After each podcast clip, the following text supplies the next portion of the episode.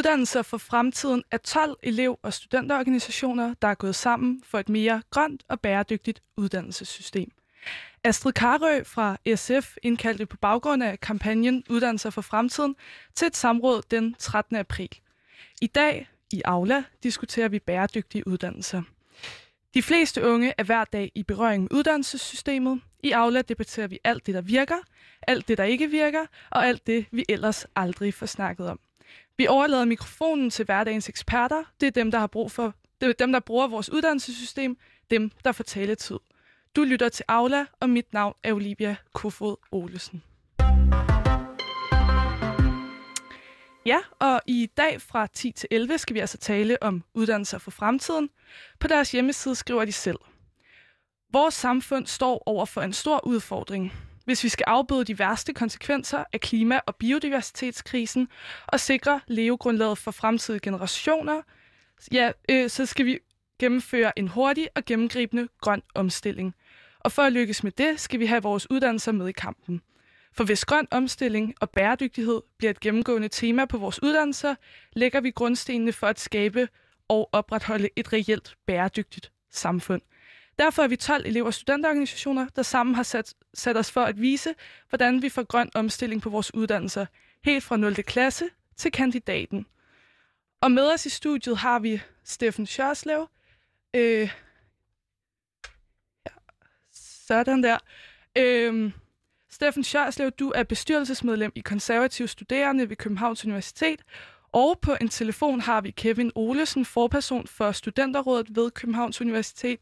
Jeg tænder lige for din mikrofon en gang, Kevin, sådan der. Tak fordi I gerne vil være med begge to. Så lidt. Øh, Kevin, vil du sætte et par ord på tankerne bag uddannelser for fremtiden? Øh, det kan jeg godt. Øh, altså, øh, for, for os øh, i, i studenterrådet og, og generelt i, i de andre øh, elever- og studenterorganisationer er det utrolig vigtigt, at øh, uddannelsessystemet ligesom følger med i den her grønne omstilling. Jeg tror ikke, at der er nogen, der ikke har opdaget, at øh, klimakrisen er en af de absolut største kriser, vi står overfor nu øh, og i fremtiden. Og derfor er det også utrolig vigtigt øh, for øh, os unge, at vi ligesom er med til at, at skabe en, en forandring øh, på det her område. Fordi det er os, der ligesom skal leve øh, i det samfund, øh, som der kommer, øh, øh, og, og de konsekvenser, som der kommer af, hvis vi ikke gør noget i forhold til klimakrisen.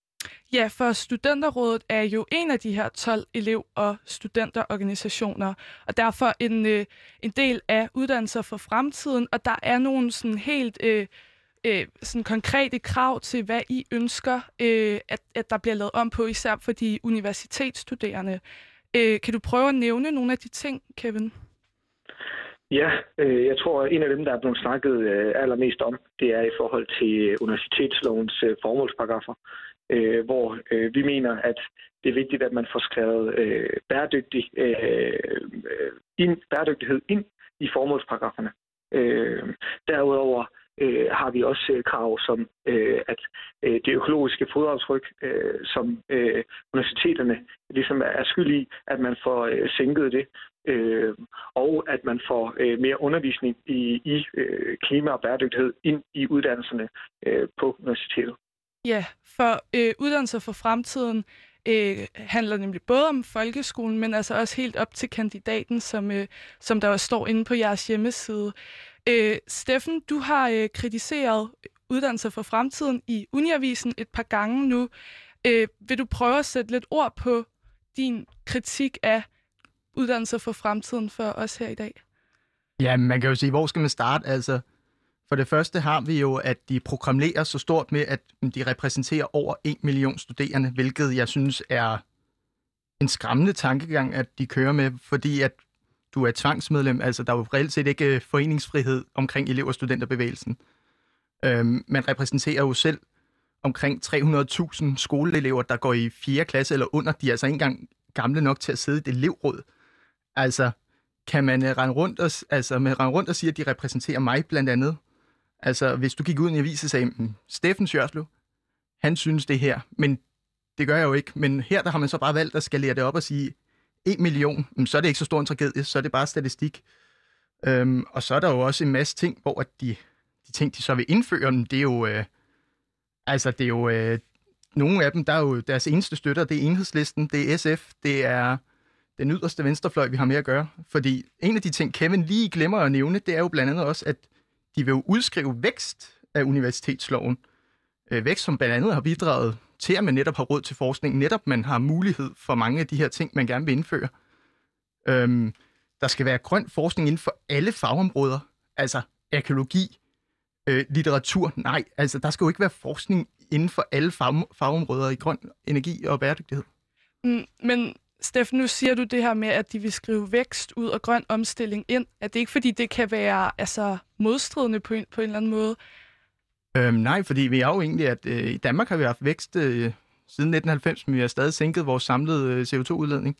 Øhm, så jeg synes, at den, at den hænger sammen, det er jo sådan en gammel forståelse af vækst, hvor vi i dag har en vækst, som er baseret på mange andre ting, der er blandt andet i Danmark baseret på øh, medicin, øh, vindmøller, øh, grøn mm. energi, optimering, robotter, øh, alt muligt andet, som måske ikke engang behøver at forurene så meget, men faktisk gør tingene bedre. Mm. Så væksten kan også være bæredygtig. Mm. Altså, øh, nu er jeg godt klar over, at du måske især kommer til at kritisere Studenterrådet for det her, men der er jo også en masse andre organisationer, elever- og studenterorganisationer med i uddannelser for fremtiden. Øh, jeg er selv sekretariatsmedarbejder hos Danske Gymnasieelevers Sammenslutning. Det er måske også meget godt lige at nævne. Øh, og, og når vi holder stormøder, så kommer der jo en masse elever fra hele landet, øh, og og sådan opstiller politik, ikke? altså øh, skriver et stykke politik, der handler om, at når vi kunne godt tænke os at støtte op om øh, klimabevægelserne, Fridays for Future for eksempel, øh, det skal vi gøre i DGS, og så stemmer, så stemmer eleverne for det, og så bliver det DGS-politik. Og den er vi jo, altså den, er, den skal vi jo repræsentere. Derfor er vi jo med i uddannelser for fremtiden, fordi vores elever ønsker det. Kan, altså, kan du ikke se, at sådan, det, det, det repræsenterer jo netop eleverne? Jamen, vi, I står også i det problem, at øh, hvem er aktiv? Er det et repræsentativt udsnit? Øhm, og det er jo det, vi i hvert fald også på den borgerlige fløj, vi, har altså, at vi gider jo ikke at være aktive i det, fordi vi ved, det er så venstreorienteret. Fordi vi ved, at selv hvis vi møder op med nærmest alt og alle, så har vi ikke nok til at kunne øh, tippe skalaen nok. Men altså, for eksempel i Danske Gymnasieelevers sammenslutning, der kan alle elever jo komme og stemme. Og øh, øh altså, man kan sige, at eleverne har jo, har, jo, har jo ønsket for den her politik ind, og så stemmer de for det. Det er jo ikke, det er jo ikke, det er jo ikke sådan, at vi er venstreorienteret på den måde. Vi vil jo bare gerne repræsentere eleverne, og jeg tror, der er rigtig mange unge mennesker, der går op i klima. Det har vi jo set tusind gange, og Fridays for Future er jo netop også opstået ud af rigtig, rigtig unge mennesker. Tror du ikke bare, det handler om, at unge mennesker går super meget op i klimaet i virkeligheden? Jo, men jeg tror, unge går op i klimaet. Det betyder ikke, at alle støtter op om øh, en politisering af hele uddannelsessystemet, som det her er en topstyring, hvor man siger, man vil pådute ting så meget ned over det. Altså, man fjerner jo reelt magten fra de studerende og lader, hvad hedder det, øh, politikerne bestemme det, fordi og det så er enhedslisten og SF, I går til, øh, som altid gør, mm, sådan er det jo. Men når I også har det her, mm, så er mange af jeres medlemmer, som I har, det er jo også, at I øh, på skolerne som DGS og hvad hedder det, Handelsskolernes Landssammenslutning, det er, at hvis du har et, bare et minimalt flertal, mm, så alle medlemmer, altså du har, hvis du har to venner, så kan du tvinge den sidste med til at være medlem i jeres forening. Det er ikke øh, frit foreningsvalg. Det er ikke, hvor man, øh, kan man sige, kan stå inden for at sige, de repræsenterer mig. Nej, jeg er blevet tvunget til, at de skal repræsentere mig. Mm. Øhm, Kevin, er du enig i det her, øh, Steffen står og siger om, at jamen, vi er ikke så repræsentative i elev- og studenterbevægelsen, som vi udgiver os for at være? Øh, altså, jeg kan godt forstå øh, kritikken, og jeg synes, at der er altid plads til, til kritik. Altså, jeg synes, i forhold til det der med ikke at føle sig øh, repræsenteret, øh, jeg tror, et af de store udfordringer i forhold til, til den, den borgerlige fløj, øh, og dem, der er borgerlige, er jo også, at de er øh, et meget lille udsnit øh, af de studerende, øh, specielt på, på de videregående uddannelser og på, på Københavns Universitet.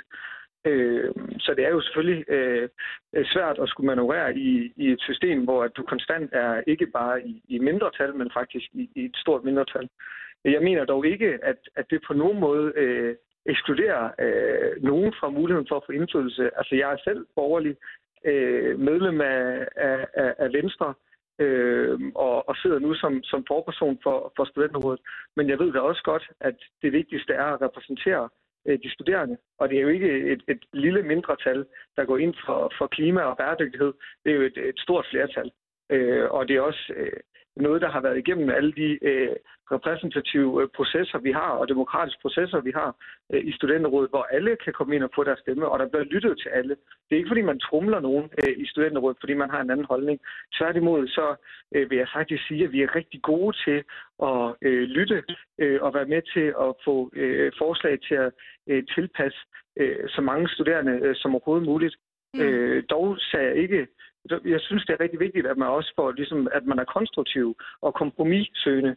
Øh, og, og hvis ikke man er det, så kan jeg godt se, at man har svært ved at føle sig som en del af, af, af studenterrådet øh, og de andre øh, elever og studenterbevægelser, der er i, i, i Danmark. Ja. Altså, Steffen, for at komme måske lidt tilbage på emnet med uddannelser for fremtiden her, er det fordi, du har et Øh, altså, er, er din kritik egentlig sådan baseret på, at du synes, bæredygtighed ikke skal fylde så meget, altså i formålsparagraferne og generelt på universiteterne? Eller hvad er det, din kritik går ud på?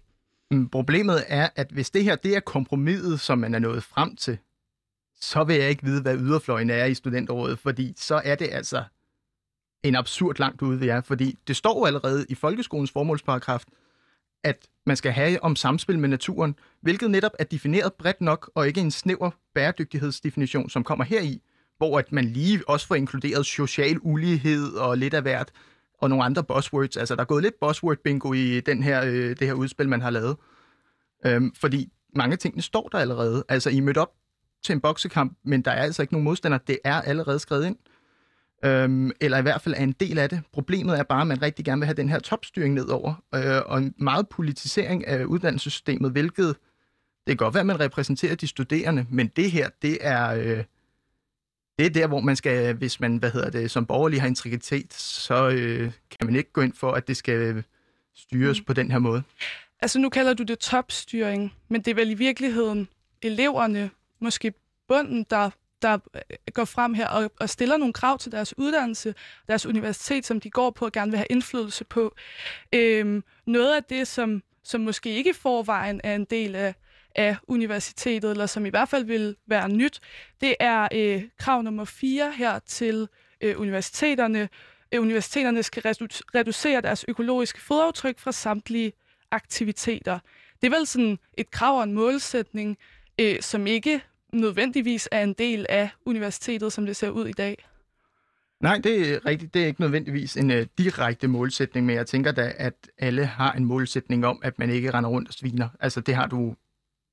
Normalt har man noget, der hedder bare basalt, at man lige tænker sig om, inden man gør noget dumt. Øhm, men samtidig så har du også, at der skal være... I samme krav har du også, at øh, du skal have en, en transportpolitik, hvor at hvis det kan nås med tog eller busrejse på op til 24 timer, så skal man gøre det. Altså, hvis du er en arbejder på universitetet og skal til og har et barn eller et eller andet, og så nu skal jeg til kursus eller et eller andet i Rom, Paris eller et eller andet, mm, så bliver de måske to dages tur, det bliver til en 4-5 dages tur. Det er altså ikke særlig godt for arbejdsmiljøet. Det øh, vil kræve ekstra overnatninger dyre for universitetet. Det er, det er jo noget, der vil koste for de studerende blandt andet. Hmm. Kommer det ikke til at, at, at koste for de studerende, som Steffen siger, Kevin? Øh, altså, jeg tror, øh, jeg vil øh, gerne have lov til lige at, at, at kommentere på, på en række af de ting. Altså, jeg tror, noget af det vigtigste er den kritik, der kommer det omkring det her med topstyring. Øh, altså, øh, noget af det, som Studenterrådet øh, kæmper for hver dag, det er øh, mere indflydelse til de studerende lokalt ude på, på deres uddannelser. Øh, desværre er det bare ikke sådan, at man vil tage øh, magten fra studerende ved at, at ændre på noget i, i, øh, i, i formålsparagraferne eller, eller kæmpe for de her ting. Øh, tværtimod vil det give en mulighed for, at man netop kan få den indflydelse, som studerende øh, allerede nu søger, øh, men som er rigtig svært at få på grund af opbygningen af øh, strukturerne på universitetet, og, og at det netop er, altså universiteterne er topstyret. Øh, så, øh, så det her det er en af måderne, hvorpå man kan, kan konkurrere mod det. Øh, derudover så kan jeg godt se, altså sådan en af de ting, som, som Steffen øh, nævner igen og igen, det er det her med den her øh, rejsepolitik og, og de her øh, 24 timer Øh, og, og jeg kan godt forstå, at der er en række øh, øh, problematikker involveret med det, men jeg tror ikke, man skal se det i et vakuum. Altså sådan, den her rejsepolitik øh, skal selvfølgelig være en del af, af en, en større sådan, gennemgribende øh, øh, reformering af, af måden, man rejser på. Altså det er jo ikke sådan, at øh, hvis man skal rejse med, med tog i øh, øh 24 timer af det, der står i, i, i det, som øh, udspillet er, altså så skal resten af ens øh, arbejdsdag øh, øh og, og sådan arbejdstilgang skal jo også passe dertil. Altså, det er jo ikke fordi, at man skal fratage øh, de muligheder. Øh, derudover så tror jeg også, at det allervigtigste øh, er, at der bliver rejst mindre. Øh, altså sådan, det, det løser sådan det, det største problem, det er, at der bliver rejst mindre. Og der er jeg rigtig glad for, at øh, corona har vist, at det er muligt at være med til konferencer og sådan noget, endagskonferencer, øh, uden at man behøver at flyve øh, øh, på tværs af, af Europa eller, eller verden for at være med i en endagskonference, så flyve hjem igen. Det er da også rigtig dårligt for, øh, for arbejdsmiljøet. Så jeg tror, at øh, vi allerede nu er ved at se nogle af de løsninger, der er i forhold til rejsepolitik. Det er, at der er nogle konferencer, som man ikke behøves at, at rejse til, og man kan være meget bedre til ligesom at, at finde ud af, hvordan man skal udnytte sin, sin tid, som man netop har tid til at være sammen med, med sine børn, øh, og, og have et, et privatliv ved siden af, som man ikke behøver at rejse lige så meget. Hmm. Er, er det ikke fint nok, at, at, at, altså at man, man tager toget måske, hvis man skal til en konference i Aalborg fra København, Steffen?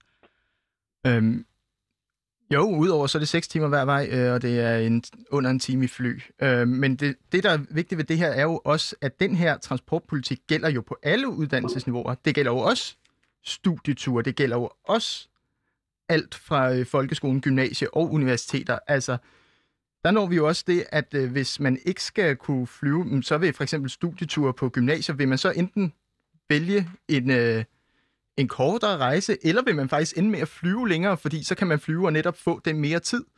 Altså, der, så man skal også lige vurdere, om man faktisk ender med at gøre mere skade end gavn. Øh, og derudover så bestemmer universitetet jo ofte ikke, øh, om de her konferencer er online eller ej. Jeg tror da helt klart, at er de online, så deltager man online. Altså, så sparer universitetet også penge på den post, hvis det er muligt at gøre det på den måde. Så behøver man jo ikke at komme med de her krav, hvis det allerede er noget, der sker. Hmm. Altså lige nu er det vel standard at tage flyet. Helt standard og noget, man aktivt skal vælge fra, hvis man ikke vil det. Altså som studerende, der skal på en eller anden tur sige, nej, jeg vil faktisk gerne tage toget, fordi jeg er klimabevidst og går op i øh, bæredygtig omstilling. Og, hvor, at, hvor standarden ligesom er flyrejser nu. Kan, øh, handler det her ikke om, sådan, at der også skal være et eller andet incitament for at, at tage toget? Det er der vel ikke, hvis man er som den eneste i, på sit hold, eller skal, skal tage den offentlige transport som tog eller øh, bus eller så videre, hvor de andre tager flyet? Al- altså, jeg vil jo mene, at der, der har du netop igen, at når vi netop kigger på de her ting, mm, enten så skal du miste tidligere skoledage for at nå frem, eller du skal gå glip af del af turen. Mm. Altså, så det er lidt med den der på, hvad, hvilken vej skal man gøre det, og hvordan gør man det. Uh, og jeg synes jo helt klart, det er fint nok, at man har mere bæredygtighed. Det er fint nok, at man har mange af de her ting. Men der er bare også et sted, hvor man siger, at der skal også være noget sundt fornuft i det. Og det virker som om, at når man har lavet det her udspil, man har været unuanceret, det er ugennemarbejdet. Øh, altså, der er jo basale ting, man ikke har forstået, hvordan økonomien bliver drevet i kommuner og sådan noget. Altså, jeg synes, det er lidt skræmmende, at man kan få så meget indflydelse på noget, som har så øh, lille opbakning reelt i en lille elitær ledelse. Hvad er det for noget, der, der er galt med uddannelser for fremtidens udspil? Sådan helt konkret, hvad er det, der, der mangler eller er galt med? Øh, vi har, der er jo for eksempel, øh, når det kommer til, øh, man skal have nul øh, udledning på øh, skoler og sådan noget, det er jo drevet af kommunerne, øh, hvilket betyder, at kommunerne vurderer, hvilke øh, ting, der skal, hvad kan man sige, opgraderes først og gøres mere miljøvenlige først. Siger man for eksempel, at det skal være skolerne, så kan du have en rimelig ny skole, som faktisk er rigtig grøn, som man så skal være den, men første, man renoverer på, i stedet for noget, der er øh, måske et gammelt kulturhus, som er virkelig slidt og virkelig bare står og brænder varme af. Mm. Øhm, så der er jo den her misforståelse om, at det er altså kommunerne, og jeg har tiltroen til, at kommunerne kan renovere det, der er vigtigt. Mm. Har I misforstået noget her, Steffen, i Uddannelser for Fremtiden? Eller undskyld, øh, Kevin, her i Uddannelser for Fremtiden? Men jeg synes, øh, der bliver opført sådan nogle falske modsætningsforhold, som om, at, at man skal vælge mellem øh, den ene og den anden. Der skal selvfølgelig også renoveres af, af, af kulturhus og sådan noget. Øh, og det er helt rigtigt, at, at det er kommunerne, der står for den del. Øh, men øh, jeg er sikker på, at, at nu, nu kan jeg jo selvfølgelig ikke tale på vegne af, af dem, der ligesom er ekspert på, på skoleområdet. Øh, der skal man nok have fat i øh, danske skoleelever eller øh, hvad det, øh, de lærerstuderende øh, i stedet for. Øh, men jeg vil da sige, at øh, det, øh, det her udspil handler jo ikke kun om, at man gerne vil have, at, at staten skal gøre noget. Det handler jo også om, at man vil have, at kommunerne skal gøre noget. Og det er jo en generelt gennemgribende indsats i samfundet, man snakker om. Så det er jo sådan, så selvfølgelig ved man da godt, at øh, nogle ting foregår i kommunerne, nogle ting foregår i regioner, nogle ting foregår øh, øh, i, i, Folketinget øh, og, og på statsniveau. Øh, og det betyder jo ikke, at man ikke skal lave en, en ændring. Altså, kommunerne er fritaget den her øh, regel om, at man skal nedsætte sit øh, energiforbrug med, med 10 procent. Øh, så sådan, der er bare øh, virkelig behov for, at man gør mere, end man gør i dag. Øh, og det øh, har, vil jeg sige, øh, vores, øh, både folketingspolitikere, men også andre politikere rundt omkring, ligesom ikke forstået, hvor vigtigt det her det er for øh, os øh, unge mennesker. Øh, så derfor synes jeg, det er rigtig fint, at man har en kampagne.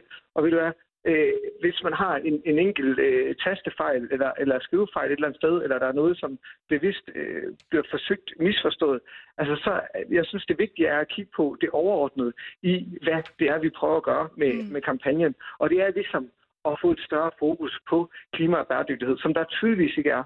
Der, vi har et mål om at skulle nedsætte vores øh, øh aftryk, CO2-aftryk med 70 procent, men der bliver ikke gjort noget for, at det kommer til at ske.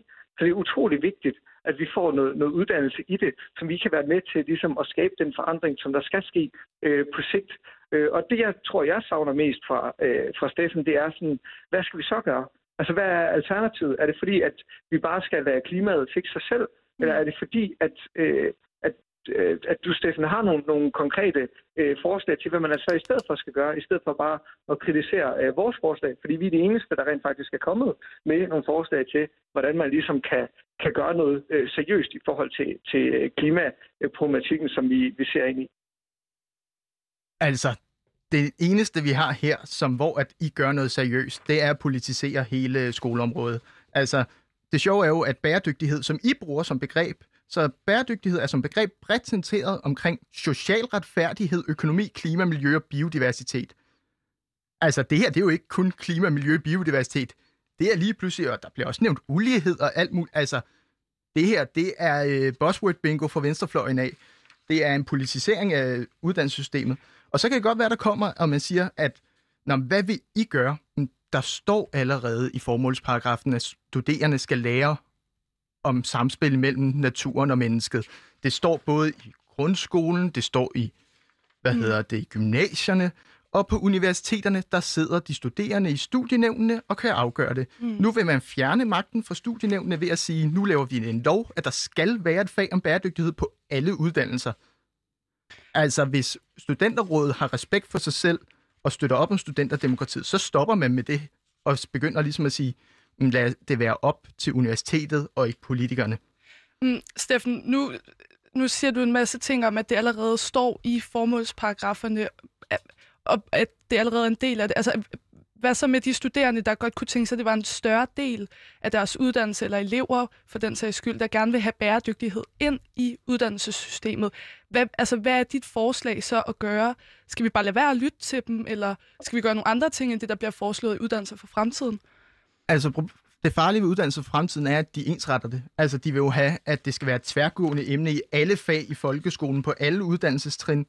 Øh, igen, bliver underlige musiktimer, øh, hvor vi lige pludselig skal have om klima. Øh, altså, der er mange ting, hvor at man vil rigtig gerne have mange af de her ting ind, hvor man siger, hold det der, hvor det er relevant, hold det i det naturvidenskabelige fag.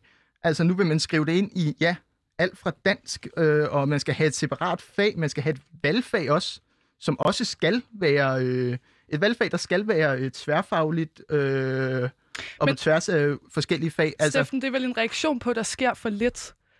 Altså det er de studerende, der gerne vil, kunne tænke sig, at det bliver en større del af deres uddannelsessystem. Hvad synes du så, man skal gøre? Skal man lade være at gøre noget, eller skal man foreslå noget andet, end det uddannelser for fremtiden foreslår? Mm, jeg har jo tiltro reelt set til, at lærerne underviser i det, der er relevant for virkeligheden. Altså, jeg voksede, hvad skal jeg sige, voksede op, da jeg gik i folkeskole, der havde vi jo troligt meget om ulighed, da det fyldte rigtig meget, mm. øh, læst Oxfam IFIs bøger. Altså, der var fuld fart på øh, den retning. Øhm, og vi havde også om øh, grønlandske børn. Altså, mm. vi havde om alt muligt, hvor man siger, det er måske ikke lige klima, men måske var det et andet emne, som måske var vigtigt for den her lærer, som dermed havde en passion for mm. det. Øh, og det her, der ender man med at ensrette det, måske skære noget af passionen væk fra, hvor der er måske en, der siger, mm, det her, det er super vigtigt for mig. Og mm. derfor skal vi måske, og har måske en ekstra viden på området. Mm. Øh, her, der vælger man at gå helt i ensretningen, hvor det skal være i alle fag, alle steder. Mm. Det er jo ikke løsningen. Det gør det jo ikke. Det er jo ikke altså, hvis man virkelig vil gøre noget, så synes jeg, at øh, Kevin han skal stille op til Folketinget, øh, til sit kommunalvalg, til et eller andet, fordi det er der, hvor du virkelig kan ændre tingene. Mm. Fordi det her, det er jo et globalt problem. Det ændrer ikke, at vi bare har nul udledning på et universitet i Danmark. Mm. Er du enig i det, Kevin? Skal du bare stille op til Folketinget eller kommunalvalget? Og men det, jeg synes, det er, det er utroligt let at sige, at, øh, at man kun må lave politik, øh, hvis man øh, sidder i Folketinget eller i, i sit byråd eller sådan noget. Det synes jeg bestemt ikke. Altså sådan interesseorganisationer har virkelig en mulighed for at, at lave store ændringer og sætte fokus på øh, øh, sådan et her emne som det her, som er utrolig vigtigt for øh, specielt øh, unge mennesker. Jeg synes, øh, argumenterne om topstyring og sådan noget, det er sådan, øh, øh, på den ene side, så er det skolerne, der skal bestemme, øh, hvad der foregår på skolerne. Det er lidt topstyring, der skal man ikke lytte til, til eleverne. Øh, og på øh, universitetsuddannelserne, der skal man lytte til, til de studerende. Øh, der skal man ikke lave topstyring og sådan Det er sådan lidt frem og tilbage øh, med sådan, hvad, hvad der kommer af holdninger. Jeg har stadig ikke hørt, øh, altså sådan, er det, der er bare en tro på, åbenbart, øh, for den sidesteffen i, at det løser sig selv det her. Og det ser vi jo netop, det løser ikke sig selv. Og derfor skal der pres på. Der skal pres på for alle steder. Der skal pres på vores folketingspolitikere. Der skal pres på vores universiteter. Der skal pres på, på øh, gymnasieledelserne. Det er den eneste måde, hvorpå vi kan få sat et fokus øh, på det her. Og det handler ikke kun om naturvidenskab. Det handler ikke om, at vi skal øh, få øh, opfundet øh, løsninger på øh, klimakrisen. Det handler også om, at det her det er noget, der går igennem igennem rigtig mange forskellige uddannelsesområder, også humaniora, øh, samfundsvidenskab. Øh, jeg ved, at øh, nu læser øh, du økonomi, øh, og det er også et område, hvor man kan have et større fokus på, øh, på klima og bæredygtighed. Og jeg ved, at der er flere, der læser ud på økonomi, som gerne så, at man havde øh, flere muligheder for øh, at, at have kurser og, og valgfag, der ligesom øh, øh gav en mulighed for, at man også kunne lave nogle beregninger af de økonomiske dele af, af klima. Øh, jeg ved, at jeg læser selv samfundsfag. Det er et område, der har været utrolig vigtigt, og et område, hvor vi også gennem fokus i studienævnet har været med til at sikre, at der er mere undervisning inden for, øh, inden for, for klima øh, og krisen. Øh, klimakrisen er med til at føre til øh, sikkerhedspolitiske konsekvenser, det er med til at føre til øh, flygtningekrisen, øh, og det kommer til at blive ved med at føre til øh, kriser rigtig mange steder. Øh, et sted som øh, historie eller et sted som arkeologi kan det også øh, være med, kan man kigge på, på fortiden og være med til at se på, hvad skete der dengang? Hvad er det for nogle udviklinger, vi har i forhold til klimaet? Øh, og øh, kan vi lære af fortiden i forhold til, hvad vi kan gøre bedre i dag? Så jeg synes, det her argument med, at der er nogle enkelte steder, hvor man sådan kan, kan nitpikke ud og sige sådan, her der passer det ikke ind. Øh, det vil man gøre med, med, kunne gøre med rigtig mange ting, men jeg tror, hvis man kigger på det overordnede, så er der bare utrolig få steder, hvor at øh, klima øh, ikke er relevant at, at snakke om. Øh, og, og det er også det, vi hører fra, fra de studerende og de undersøgelser, der bliver lavet om, hvad et af de vigtigste områder er for, øh, for ungdommen. Mm. Øh, og hvis det er, at man skal stille op til Folketinget, så er det jo netop øh, argumentet om topstyring, der igen kommer. Så er det jo fordi, at man mener, at det er Folketinget, der skal beslutte det hele. Det kunne være super rart, hvis man kunne beslutte tingene øh, på de forskellige niveauer. Men det kræver også, at de overordnede rammer er klar til det. Mm. Og derfor vil det være fedt, hvis man fik skrevet øh, bæredygtighed ind i, i formålsparagraferne, for ligesom at vigtiggøre, at sådan, øh, jeg ved, at rektoren på DTU har også været øh, tilhænger af det, at man gør det, så at man ligesom kan, kan øh, få cementeret, hvor vigtigt det er, og hvor også bare vise både øh, lærerne, øh, hvad hedder det, øh, på tværs, øh, øh, professorer, det hele, for ligesom vist dem, at sådan, det fokus, I allerede har på klima, det bakker vi op om, og det skal I bare fortsætte. Mm. Men Kevin, hvorfor er det lige præcis, at vi skal have klimaet på skemaet? Altså nu, mener, nu, nu taler du selv om flygtningekrisen. Øh, der sker også nogle ret vilde ting i Kina. Altså hvorfor er det lige præcis øh, klima, der skal skrives ind i formålsparagrafen, og, og, og ikke alle mulige andre kriser og, og undertrykkelse, vi ser rundt omkring i verden? Øh, altså min, min grundlæggende tankegang er, at det er fordi, at, at rigtig mange af tingene er, er forbundet. Øh, altså sådan, nu nævnte jeg selv øh, flygtningekrisen, og jeg tænker også øh, noget af den øh, konflikt, man naturligt kommer til at få øh, på sigt med, med Kina, også kommer også til at handle om øh, deres holdning til øh, øh klima og bæredygtighed. Øh, og øh, generelt ulighed på tværs af landene handler også ret meget om øh, den her konflikt med øh, nu har vi brugt øh, rigtig meget øh, af, af vores CO2-udtryk over rigtig mange år, øh, og øh, skal vi så være med til at definere, hvad andre må? Øh, så jeg tror, i forhold til øh, at ligesom få forbundet det her, altså det handler også om kultur øh, i forhold til, til, til klima. Øh, så øh, nu er det heller ikke øh, klima øh, i sig selv, der skal sige, men, men bæredygtighed. Øh, og det vil bare være en rigtig god måde at få sat et fokus på, at det handler ikke bare om øh, vækst hele tiden. Det handler ikke kun om øh, velfærd, men der er ligesom noget grundlæggende, vi skal sikre for, at vi kan få øh, velfærd i samfundet, øh, og for at vi kan gøre de andre ting, som er utrolig vigtige øh, på universitetet. Og der mener jeg, at det er jo ikke fordi, at øh, klima skal øh, være det eneste, man, man har om, øh, men det kan bare øh, spille en rolle rigtig mange steder. Og jeg ved også, at det er noget, som øh, de aftager af studerende, altså når, når vi bliver færdiguddannet og vi skal have et job, øh, er det efterspurgt flere og flere steder, at man ligesom har en større øh, viden og erfaring øh, med øh, klima og bæredygtighed. Så jeg tror også, at det vil give, altså den, det, vil, det vil være lidt øh, at gøre en, en, en bjørnetjeneste for, for de studerende ikke at give dem muligheden for at få de her kurser, sådan at de for at de netop kan gøre sig selv, altså de skal kunne gøre sig selv dygtige nok til at kunne få de fede jobs øh, på den anden side også. Mm. Er du enig i det, øh, Steffen? Ah, men nu skal Kevin lige slappe af. Uh, han lægger ud med at kalde mig klimabenægter, ikke? Altså, Kevin, kom så, ikke? Det er jeg jo ikke. Uh, og det synes jeg egentlig, at uh, du skal holde dig lidt bedre, end at rende rundt og stille sådan nogle ting op. Fordi det eneste, jeg siger, det er, at tingene er meget inkorporeret i, hvad hedder det, universiteterne, skolerne, gymnasierne allerede. Man lærer en masse om allerede klima og lignende. Problemet er bare, at på økonomi lærer vi rigtig meget, kan man sige, grund basic stuff, som netop gør, at vi på sigt netop kan lave udregninger på alt, og ikke kun klima for eksempel, men netop også klima. Og det er der mange tingene, hvor at man skal lære de her basic ting. Og det er det, der gør, at man på sigt netop kan gøre de her ting. Men det giver jo ikke mening, at der skal Altså, nu kan det godt være, at du hurtigt siger, ja, men man kan lige nitpikke lidt. Ja, hvorfor skal der forskes ekstra forskningsmidler til klima på jure, sundhed, mm. øh, eller hvad hedder det, læger og alt. Altså, det er ret mange områder, hvor det ikke er relevant øh, på videregående uddannelse. Og så kommer den her topstyring, ikke topstyring. Men selvfølgelig er folkeskolen topstyret. De yngste børn er fem år. Mm. Altså, der er en forskel på videregående uddannelser, hvor man giver rigtig meget medbestemmelse, gymnasierne, hvor folk stadig kommer ind, når de er under 18, øh, hvor man også der har en større, øh, hvad hedder det, styring oppefra. Det er jo helt normalt, fordi vi netop, altså, mm. det er jo heller ikke børnehavebørnene, der bestemmer, hvordan børnehaven skal drives. Altså, men jeg synes, at det kommer netop igen det her med, at hvis vi bare skriver det ind, så bliver klimaet bedre. Nej, altså, det er jo, selvfølgelig skal vi lære folk om relevante kriser. Mm. Altså, øh, nu har jeg lige en artikel her. Det er, øh, nu skal jeg se, det er Anders Thorsen, skolelærer, der har lavet en liste, en 2020-liste over alle de ting, øh, der er blevet foreslået i løbet af 2020 at putte ind i skoleskemaet. Nu læser jeg bare lige nogen af ordene op, for den er rigtig lang, den her liste.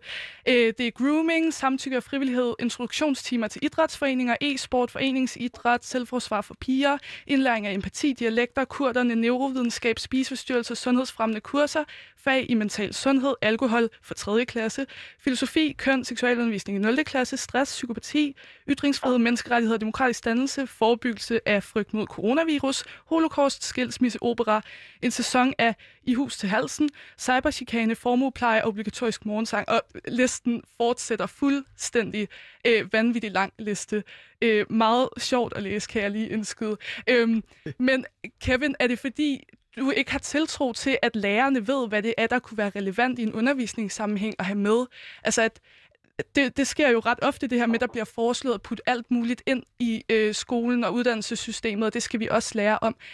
Tror du ikke, at lærerne eller underviserne på universitetet er dygtige nok til ligesom at, at kunne beslutte det eller vurdere det? Øh, altså jeg tror, øh, i forhold til, til de lavere dele af uddannelsessystemet, øh, i forhold til øh, folkeskoler, i forhold til gymnasierne og, og også i forhold til professionshøjskoler og sådan noget, der vil øh, jeg ikke udtale mig om, øh, hvorvidt øh, hvem der er dygtig nok. Der lytter jeg mere til, øh, til de samarbejdspartnere, som også er med øh, i øh, den her kampagne. Øh, og de mener jo tydeligvis, øh, at der godt kunne være et større fokus på, øh, på klima og bæredygtighed. Øh, så det er det, jeg vil lægge mig op af der. Mm. Øh, I forhold til øh, vores øh, universitetsuddannelser, øh, så handler det, øh, meget af det jo netop om, øh, for det første, hvad er, er der er interesse i at forske i, men det handler også om, hvad er det for nogle ansættelser, man laver, når man ansætter professorer, og hvad er det for nogle kompetencer, der ligesom er at give videre af. Øh, og der er det rigtig vigtigt at have et fokus på det her, fordi du kan heller ikke udbyde et kursus om, om øh, øh klima bæredygtighed, hvis ikke der er nogen, der ligesom har den, øh, den viden og den erfaring. Øh, og der tror jeg, at, at man stadigvæk kan, kan komme rigtig langt. Øh, og jeg ved, at, at vi er kommet noget af vejen over på, på øh, samfundsfærd og statsundskab, fordi at man ligesom har haft et fokus på, at, at det her det naturligt kommer til at være en del øh, af det, øh, både som der interesserer øh, studerende, øh, men også øh, generelt øh, samfundets udvikling. Mm. Øh, og, ja. Er du enig i det, Kevin? Eller Steffen Lund. det, det er jo netop, og der sidder du også i studienævnene, så har du ikke behov for at lave det her udspil. Og jeg synes også, at du er meget hurtig til at bare sige, ja, vi fokuserer, vi er reelt kun øh, med på det her ene lille stykke universitetsuddannelse, men overser helt øh, hele det her, øh, ja, den her kan man sige, politisering af uddannelsessystemet er i gang med, bare fordi I ikke er en del af den. Altså, I render rundt og siger, at I repræsenterer en million studerende. Det er jo løgn.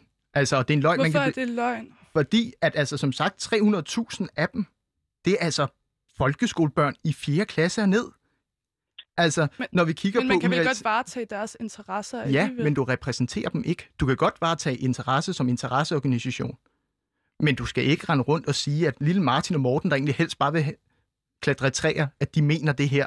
Mm. Altså, det er... Øh, der er, hvad hedder det, studenterrådet ude på et moralsk og etisk øh, Men det er jo ikke studenterrådet, der jo, der de er jo med det. De, har, de og, er repræsenterer 3. 4. klasses elever og 1. klasses elever. De er med i elev- og studenterbevægelsen, og har dermed skrevet med på det her. Altså, og der kan man jo så tilføje, at så øh, kommer Kevin og siger, at ah, vi er så dejligt demokratiske i studenterrådet og sådan noget. Altså, mm. nu øh, deres øh, sidste generalforsamling, der mødte de 46 op, men på grund af den måde, de har bygget deres organisation op på, så har man øh, en masse stemmer ude lokalt. Det vil sige, hvis jeg skulle have sikker på at have et flertal, så skulle jeg møde op med 150 af mine venner for at få flertal. Øh, vil jeg ændre en vedtægt, så skulle jeg møde op med 300 af mine venner. Altså, så har man ikke en demokratisk forening, hvis 46 mennesker kan sidde og styre det. Hvordan kan det være, øh, Kevin, at det er bygget sådan op, at Steffen skal have 300 af sine venner med for at ændre noget øh, grundlæggende i øh, studenterrådet? Amen, jeg tror, jeg tror at Steffen han læser vores øh, vedtægter lidt mærkeligt, øh, og også har en, en lidt mærkelig forståelse af, hvordan øh, sådan en repræsentation forgår, øh, foregår i, i studenterrådet, fordi det handler jo ikke... Øh, altså, man, man sender også repræsentanter til generalforsamlingen, så det er jo ikke bare 46, der møder op. Øh, så jeg tror, at, at i forhold til det... Øh, at det, er sådan, øh, det ved ikke, om, om det giver mening at tage den diskussion øh, omkring uddannelse for fremtiden, øh, og så en diskussion af, af måden, den demokratiske struktur er på, på studenterrådet. Men mm. et, et emne, som jeg synes er, er meget interessant, øh, også at du går op i, Steffen, og øh, vil da gerne øh, være med til at, ligesom at, at forklare, øh, øh, hvordan det er bygget op, og, og det faktum, at du overhovedet behøves øh, 300 øh, med øh, til det. Øh, man kunne også stille nogle forslag, som andre vil bakke op om, og så behøves man jo ikke at, at, at sådan skulle, skulle prøve at forsøge at kuppe det eller noget med, med, en, med en masse andre studerende, men gå igennem de demokratiske processer, vi har. Mm. Øh, jeg synes, det her med at sige, sådan, øh, at, øh, at jeg er uddannelse for fremtiden, øh, det er jeg ikke. Øh, og, og vi er jo med i den her kampagne, fordi vi bakker op omkring øh, de her ting, og fordi vi lytter øh, til de samarbejdspartnere, vi har. Altså når danske skoleelever og øh, lærerstuderendes landskreds øh, mener, at det her det er vigtigt også at gøre noget for i forhold til øh, folkeskolen, øh, så øh, har jeg den største tillid til, øh, at de ved, hvad de snakker om. Og derfor kan jeg godt bakke op om det. det hvis vi havde kørt separate kampagner for øh, folkeskoleområdet, gymnasieområdet, øh, de videregående uddannelser, professionshøjskolerne, så ville vi jo slet ikke komme lige så langt øh, med øh, den her dagsorden. Så derfor er det vigtigt, at man kan stå sammen og have tillid øh, til hinanden, mm. øh, og, og dem de repræsenterer, øh, og så ligesom øh, tage kampen på den måde. Mm. Altså, øh, nu prøver jeg lige at komme lidt tilbage på, på bolden. Øh, for du snakkede meget om, om det her med flytur og transport, Steffen, og kritiserede det der med 24 timer og så videre. Øh, ja, og øh, derfor så tænker jeg også, at nu du er inde på det her med repræsentation og så videre, om, om studenterrådet ved Københavns Universitet i virkeligheden repræsenterer de studerende, eller er det ideologi, eller et eller andet, man vil politisere, som du er inde på. Så derfor vil jeg gerne spørge dig, Kevin, om, mm, om det i virkeligheden er et ideologisk spørgsmål, eller, øh, som, som forværrer uddannelsen for de studerende. Altså at om studenterrådets opgave ikke er ligesom at sikre den bedste uddannelse, og ikke så meget andet med klima og seksualundervisning, jeg ved ikke hvad. Øh, ja, det er jo øh, studenterrådets øh, opgave, ligesom altså for det første at repræsentere de studerende, og øh, det er helt sikkert i de studerendes interesse at, at få den bedste uddannelse. Øh, så jo, øh, men vi mener jo også, at man gør det her øh, igennem det her. Øh, men studenterrådet er, er jo ikke ideologisk forankret øh, på den måde. Men gør, øh, gør flyturene uddannelsen bedre eller værre? Altså, at afskaffe flyture gør vel ikke sådan undervisning bedre, eller sådan måske tværtimod, eller hvad? Øh, jeg tror ikke på, at for det første er målet ikke at afskaffe øh, alle flyture øh, overhovedet ikke. Øh, jeg tror ikke på, at, øh, at det nødvendigvis skal ens uddannelse øh, være at have en anden flypolitik og, og sætte fokus på det. Øh, jeg tror, at klima og bæredygtighed sådan generelt, øh, også i forhold til de her initiativer, er den rigtig meget at gå i forhold til at forbedre uddannelsen. Mm. Men det tror du ikke på, eller hvad? Men problemet er jo blandt andet også, at øh, vi netop har det her bæredygtighed, og det er også lige social retfærdighed og sådan nogle mere. Altså, når I skriver, hver gang I skriver bæredygtighed, så skriver I også social retfærdighed. Altså, der kommer hele tiden sådan nogle virkelig venstreorienterede buzzwords ind. Altså, du har, vækst skal skrives ud af universitetsloven. Altså, det er jo enhedslistens mærkesag. Altså, det er, der er, hvad hedder det, vi skal stoppe øhm, al forskning, udvikling af fossile brændsler og udfases i takt med nogle anbefalinger. Mm, nej, altså, vi skal jo ikke rende rundt, og det, det her, det er jo meget sådan, vi vil styre forskningen meget i en meget bestemt retning. Grøn forskning inden for alle fagområder. Altså, det her burde være et område, hvor I ved, at det ikke er muligt. Altså, så må man tage den lokalt, og mm. ikke hvis det her bliver topstyret igennem politikerne. Men Steffen, nu nævner du meget enhedslisten og SF og kobler dem meget op på studenterrådet. Altså, du er jo selv bestyrelsesmedlem hos konservative studerende. Er der, virkelig, altså, er der overhovedet noget, du er enig i her hos Uddannelse for Fremtiden, og øh, har, kan man ikke også koble dig på en eller anden form for ideologi, når du er konservativ studerende? Altså er det ikke også bare, fordi du vil være imod studenterrådet og kritisere, hvad de gør, fordi du har en eller anden øh, tilknytning til den mere borgerlige fløj måske? Nej, altså jeg synes egentlig det, der reelt foregår her, det er, at vi vil egentlig gerne holde øh, universitetet neutralt, fri for, øh, at der er fri forskning, ytringsfrihed, at man netop har de her ting. Altså helt basale ting. Altså, vi er, er her ikke for at male universitetet blot, men vi er her for at vaske alt det røde væk. altså, hvad, hvad, så, så neutralt, du vil gerne vaske alt det røde væk, og ikke i en borgerlig retning. Hvorfor er det så, I hedder konservative studerende, og ikke et eller andet anti-rød øh, studerende? Jamen, det, det er helt basale historiske, at det engang var en vælgerforening for konservative. Altså, vores formand er fra Venstre, jeg er, fra, øh, jeg er medlem af LA, altså Kevin, han er også venstremand. Altså, studenterpolitik er lidt mere et sammenflod, og nu er det bare den her forening, som på sigt har overvejet, ligesom studenterråd også er sammenslutning af et par andre foreninger tidligere, mener jeg, hvor der eksisterede lidt af hvert og sådan noget. Mm. Så studenterpolitik er en mere øh, kan man sige, dynamisk mm. øh, del. Men jeg synes, det er svært at gå ind og ændre vedtægterne i studenterrådet, men så kunne I jo også bare ved, øh, gå ind og ændre jeres ja. egne vedtægter og ændre navnet, hvis I ikke er konservative studerende, hvis I er neutrale studerende, eller ikke røde studerende, eller noget andet. Ja, nu har vi bare valgt at beholde det. Det er nemmest. Altså, det, er, det ændrer ikke noget for os. Altså, vi øh, har jo mm. nærmest ikke kontakt med dem, så det, øh, Det er jo helt fint for os. Øh, Men I har en hovedbestyrelsesplads i det konservative folkeparti, eller hvad? Ja, men det giver en meget sjov øh, dynamik, at jeg kan sidde i to forskellige partiers bestyrelser. Altså, det er nemlig, det er ikke rigtig noget, vi gør os nytte af eller lignende. Mm. Øhm, altså, hvis man skal kigge på øh, tingene, så er det jo bare, at vi er studenterpolitik på det her område, mm. og sådan er det. Og derfor øh, gør vi netop, og vi kæmper, altså, vi er jo netop, vi siger, hold det her politisering ud af. Vi er jo ikke ude at sige, økonomi, det skal bare højere drejes. Nej, vi siger jo ligesom, at når der kommer kritik af for eksempel økonomistudiet, mm. så siger vi, det må vi tage højde for. Er der noget relevant her? Okay, så det er de konservative studerende, der vil holde politikken ude af øh, universiteterne og vil have et neutralt universitet, og studenterrådet, der vil noget venstreorienteret, og dem, der samarbejder med venstrefløjspartier. Ja, altså de havde jo i hvert fald, øh, de fik i hvert fald enhedslisten til at fjerne støtteopslag til sidste univalg, øh, hvilket øh, nok siger nok, at de prøver at skjule det, men det ligger lige under overfladen. Er det rigtigt, øh, Kevin? Ligger det lige under overfladen? Er I egentlig enhedslistens ungdom på KU?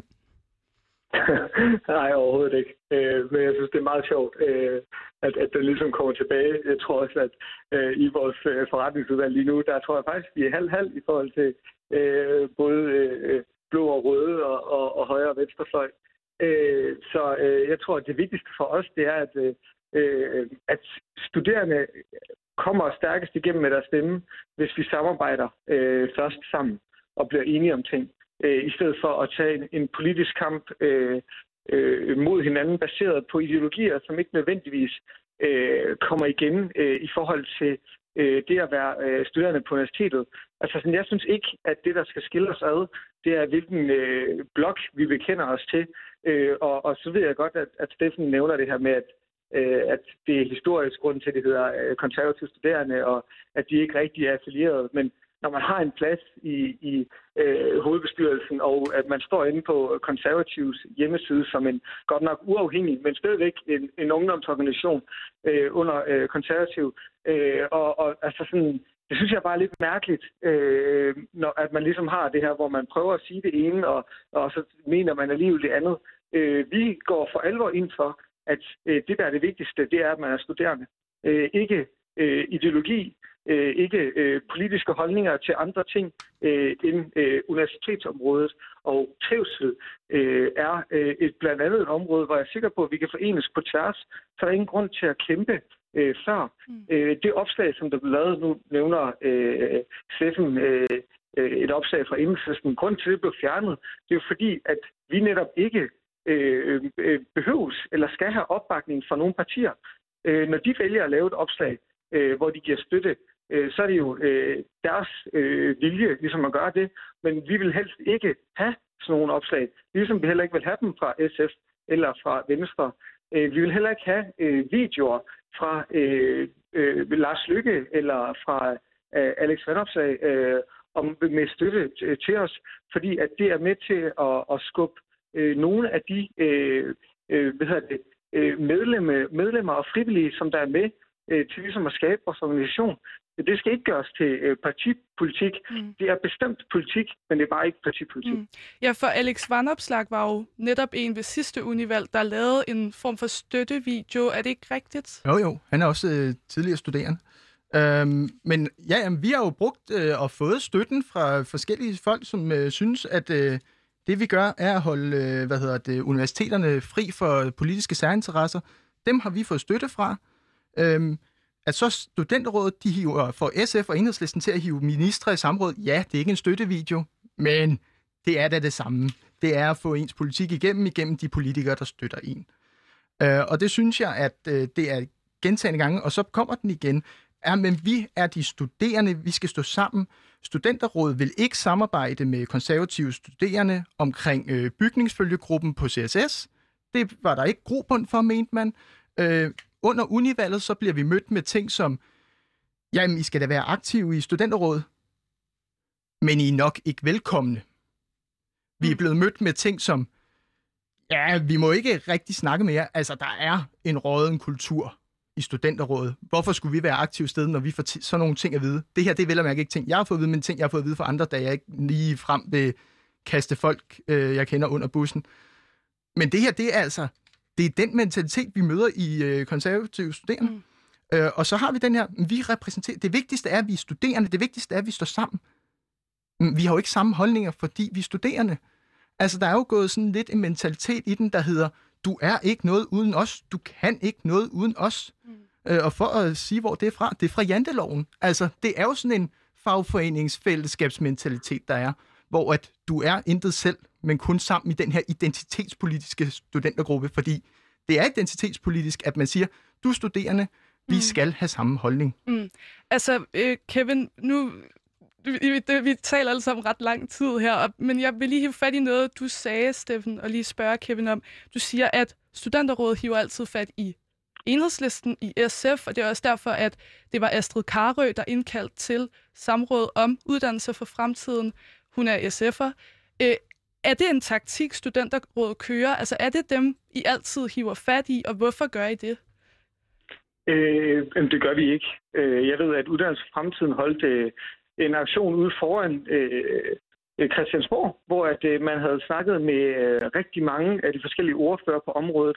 Jeg er også sikker på, at Mike, forperson for, for DSF, Danske Studerendes Fællesråd, at øh, der er et selfie med ham og Tommy Alers, Øh, jeg ved, at Katarina Amesbøl var også øh, tilhænger af, øh, om hvorvidt man kunne få bæredygtighed ind i, i, øh, i formålsparagraferne, godt nok uden at, at, at skrive vækst ud. Øh, så øh, jeg tror, at sådan, man, øh, der er også, jeg ved, at Dansk Fællesråd har møder med, med, med ordførerne, øh, dem alle sammen, så der er bestemt ikke øh, nogen, man sådan, øh, omgår. Øh, at Astrid Karius så er egen fri vilje har valgt at indkalde til et samråd, er jo ikke noget, som øh, som uddannelse for fremtiden bestemmer, øh, men selvfølgelig noget, vi hilser øh, velkommen, når der så er nogle politikere, der gerne vil ligesom øh, støtte sagen.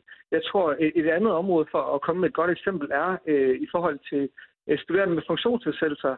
Øh, der har man haft ret meget samarbejde med øh, øh, Dansk Folkeparti, øh, fordi at det er et område, som, som de går meget ind for. Så det handler jo om øh, sagen. Det handler om, øh, hvilke politikere, der ligesom går ind for, øh, for de sager, vi synes er vigtige. Mm. Det er som det er at være en øh, interesseorganisation. Øh, så er det jo øh, ligesom dem, der også vil, vil støtte op om sagen, mm. man ligesom går til at samarbejde med. Ja, altså Steffen, kan det ikke være, at det er bare fordi, SF gerne vil brande sig på at være klimabevidste og øh, bæredygtige, og vil være de første til at indkalde til samråd, hvis de bare øh, kan øh, dufte lidt øh, klima og, og, og grøn branding. Jeg tror du ikke, det er derfor, det er SF, der indkalder til det samråd, og ikke så meget studenterrådets skyld? Øh, helt, helt klart, det er jo selvfølgelig øh, dem, der øh, ofte ligger på linje med, hvad hedder det, øh, studentrådets politik. Altså, det er jo også højere SU, billigere boliger, det er jo, mm. altså, det er jo netop, altså, det sjove er jo, at de så ikke, de vil også have højere SU, men de vil, jeg vil gerne glæde mig til, at studentrådet så kæmper for et, øh, hvad hedder det, højere bundfradrag. Det er det også, vi giver studerende flere penge, men nu må vi se. Det kan være, at øh, træerne vokser ind i himlen en dag. Men øh, vi er jo netop, altså det er jo, han tog netop ikke, igen ikke stilling til det her med, vi er studenter, polit, vi er studenter, derfor er vi ens. Holdning, det, nej, det er vi ikke. Så må man lade være med at sige, at man repræsenterer andre. I er måske en interesseorganisation, en fagforening, man er tvunget til at være medlem af. Mm. Men altså, dem, der bliver taget gisler øh, af uddannelser for fremtiden, altså de her skolebørn, som nødvendigvis ikke engang aner, at danske skoleelever eksisterer, dem i gymnasier, der øh, er blevet tvunget med i DGS lands sammenslutningen for handelsskoler eller lignende, øh, og også på universiteterne, som, hvor vi er medlemmer. Altså, du har jo sagt at øh, i et øh, artikel, at øh, du savner, at øh, højrefløjen også protesterer og sådan noget. Mm. Her er vi. Mm. Vi er her. Vi beskytter, vi står op for det store tavse flertal. Dem, som ikke nødvendigvis er aktiv. Mm. Og du er selvfølgelig velkommen hjem, hvis din borgerlige øh, del af dig skulle føle, at det var nødvendigt. Altså, nu siger du, at, at børn og unge er tvunget med i de her øh, elev- og studenterorganisationer, og du siger, det er udemokratisk og sådan nogle ting, men man stemmer jo faktisk selv på sin skole, i sit elevråd osv., og, og man ønsker at være en del af sådan noget som DGS, øh, DSE øh, og så videre. Ikke? Altså, vi, vi i DGS ved jo godt, hvor mange vi repræsenterer som er medlemsskoler, og hvor mange som øh, er gymnasieelever helt generelt. Ikke? Og vi det kan godt være, at vi bliver spurgt tit på vegne af gymnasieeleverne inde på Christiansborg og har dialog og sådan noget, fordi vi jo er en interesseorganisation. Men når vi siger, at vi repræsenterer øh, 80.000 gymnasieelever eller så videre. Så det er, jo også, det er jo dem, der har meldt sig ind, og det er jo noget, man har stemt om. Hvordan kan det være udemokratisk? Jeg har aldrig stemt om, at, om vi skulle være medlem af... Jeg gik på Niels Brock, mm. øh, om vi skulle være medlem af Landsorganisation for øh, Handelsskolernes Lands øh, sammenslutning. Mm. Og det, øh, altså, så må det jo være op til en afstemning for alle på skolen, i stedet for sådan noget... Fordi jeg tror, da i første G, hvem vil være repræsentant hvem vil være repræsentanter? Mm. Og var to, der øh, sad og sov bag i, så vi valgte dem, mm. fordi at, øh, så kunne de ikke sige nej. Altså, så jeg synes, at hvis man virkelig vil sige, at vi skal tvinge folk ind og være medlemmer, som hele skoler er gang, så må man have en afstemning hvert år om mm. det. Men I det... stedet for at, øh, og så må det være for hele skolen, fordi yeah. PT, så har du et lille repræsentativ, som forhåbentlig repræsenterer nogenlunde hele gymnasiet. Mm. Den, Eller så må man have individuelle medlemmer, og så må I ud og væve, ligesom den, alle andre. Det er en rigtig god idé, synes jeg, det der med, at man stemmer hele gymnasiet øh, hvert år. Det gjorde vi på mit eget gymnasium. Vi var ikke medlemmer, da jeg startede på gymnasiet. Øh, men så samledes vi hele skolen til generalforsamling en gang om året, og stemte, om vi ønskede at være en del af Danske Gymnasieelevers sammenslutning. Og det er jo et ansvar, man har som elevrådsformand. Sådan, skal vi stemme om det her jævnligt, eller skal vi bare være passivt medlemmer? Eller, altså, så det, det, er jo ikke, det er jo ikke interesseorganisationens skyld, at der er nogen, der vælger at melde, øh, øh, eller glemmer at melde sig ud, eller ikke tager ja. det op det må jo være et, et, et ansvar for elevrådsformanden, som burde være sat ind i, at man er medlem af DGS, og der er de her ting, man kan komme til, osv. osv. Ja, jeg synes egentlig, det generelt er, lad være med at rende rundt og sige, at man repræsenterer en million. Lad være med at rende rundt og lyve omkring det, fordi det er diskriminerende mod alle dem, som måske ikke er enige, alle dem, som måske ikke gider at være aktive. Altså, jeg kan ikke engang melde mig ud af studenterrådet, selvom de siger noget, der er helt hen i vejret. Altså, så må man gøre det til en medlemsorganisation, så må man gøre det på den måde, i stedet for at være nogen, som render rundt og påstår noget, der ikke er sandt. Mm. Det bliver de sidste ord, desværre, Kevin. Øh, det var altså Steffen Sjørslev, bestyrelsesmedlem i konservativ studerende ved Københavns Universitet, og med på en telefon Kevin Olesen, forperson i Studenterrådet ved Københavns Universitet. Tak, fordi I var med begge to. Mit navn er Olivia Kofod Olesen, og du lyttede til Aula.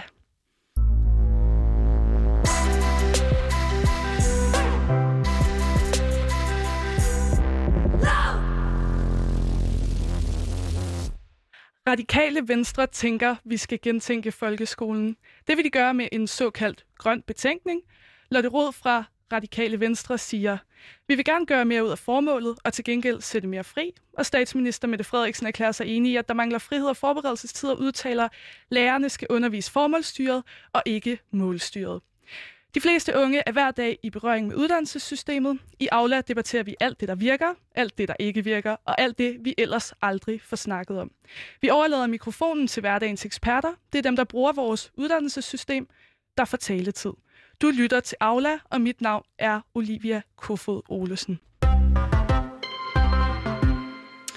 I dag i Aula fra 11 til 12 øh, skal vi altså tale om folkeskolen og hvordan vi kan skabe den bedste folkeskole for både lærere og elever.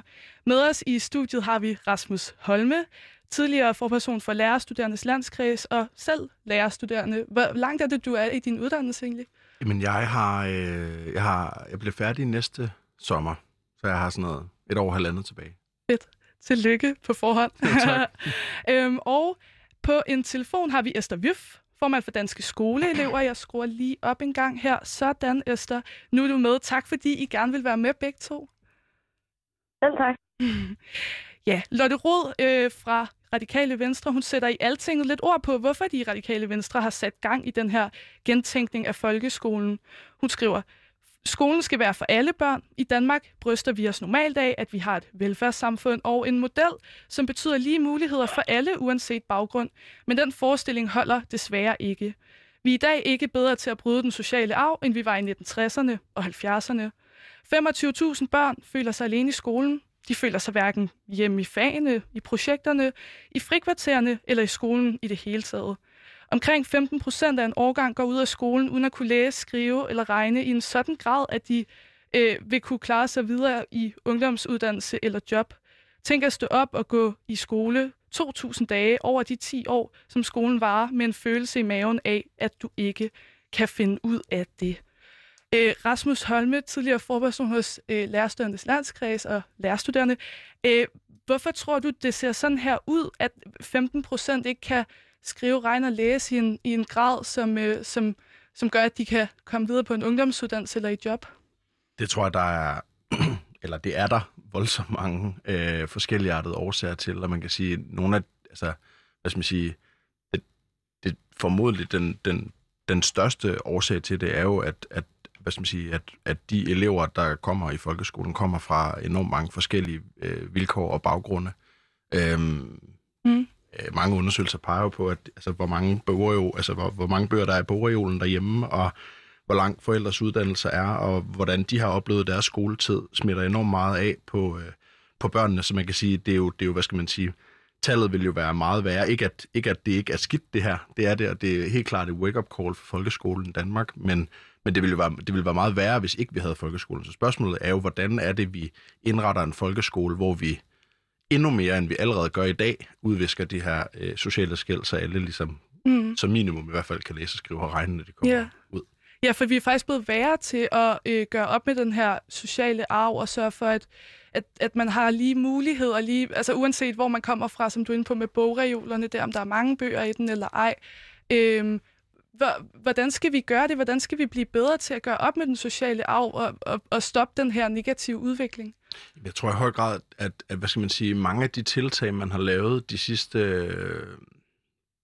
hvad skal man sige, de sidste syv år siden folkeskolereformen, men jo i virkeligheden de sidste sådan noget 10, 20, 30 år øh, med Bertels uddannelsespolitik, der jo har været sådan en konkurrencepræget uddannelsespolitik, hvor vi skal teste mere, hvor vi skal monitorere lærerne mere, mm. hvor vi skal monitorere eleverne mere, øh, oplever jeg i høj grad har en negativ effekt. Mm. Altså, det har ikke en, en positiv effekt, at vi ved, hvor skidt det står til, fordi hver eneste gang vi finder ud af, hvor skidt det står til, så gør vi det i virkeligheden værre i den situation. Fordi de elever, der bliver udsat, det er i hvert fald min oplevelse som som lærer, at, at, at de elever, der bliver udsat for de her nationale test, bliver jo ikke, hvad skal man sige, øh, opildnet til at, at lære begær, øh, videnbegærlige mm. efter sådan at lære mere. Øhm, tværtimod, så er det med til blandt nogle af de elever, der har det allersværest, at give dem et ordentligt hak i tiden, som mindsker deres motivation. Så jeg tror i høj grad, at, øhm, at vi, vi, vi, øh, at mange af de tiltag, man laver på Christiansborg, som skal gøre det lettere for Christiansborg-politikerne at styre folkeskolen og monitorere, hvad der foregår, mm. i virkeligheden har en skadelig effekt på, på, okay. på trivsel og indlæring. Ja. Tænker du også det, øh, Esther Vy, formand for danske skoleelever, at det er, at det, er det her med styringen, som, som kan gøre det svært at, øh, at gøre op med den øh, negative sociale arv? Jo, men altså, jeg, jeg kan sådan set øh, ikke genkende meget af det, som, som Rasmus han, øh, han nævner noget af det, som, som jeg ser som en af de øh, største udfordringer for, øh, som, som gør, at vi har så mange øh, unge mennesker, som forlader grundskolen uden at kunne øh, læse og skrive og regne. Det er, at vi faktisk har været øh, for dårlige til at indrette en øh, folkeskole, der øh, varetager alle elevers øh, individuelle faglige niveau. Selvfølgelig er der en hel masse med den sociale arv, hvor mange bog, øh, bøger står der i bogreolen, men, men også helt øh, ned på et niveau, hvor vi snakker om den enkelte øh, faglige niveau ind i det enkelte klasserum. Altså om man er bedre til matematik end sine klassekammerater, og at man stadig skal lave de samme opgaver, eller om man er bedre til øh, dansk end, øh, end, end sin klassekammerat, og stadig får de samme øh, ord i, i diktaten. Mm. Det øh, synes jeg er klart er en af de største udfordringer i vores, øh, i vores grundskole i dag, og noget, som vi skal øh, gøre, gøre op med for at sørge for, at vi har nogle elever, som faktisk altså de fagligt udfordrede elever øh, står i en situation, hvor de oplever succes, og hvor de oplever udvikling, men øh, hvor de fagligt stærke elever altså også oplever, at de bliver hørt og set og får lov til at spurte afsted med det, de synes, der er, er spændende. Mm. Tror du også det, Rasmus Holme, at vi, at vi øh, har en folkeskole, hvor der ikke er plads til både de fagligt stærke og de fagligt svage, eller hvor det bliver, bliver svært? Altså skal vi begynde på noget opdeling, så niveauopdeling, eller hvad, hvad skal vi gøre? Altså det, det, øh, det tror jeg vil være en ærgerlig konklusion. Altså jeg tror hellere, at man skulle tænke, øh, hvad, hvad, hvad, hvad er der med klassekvotienterne? Øh, er de for høje?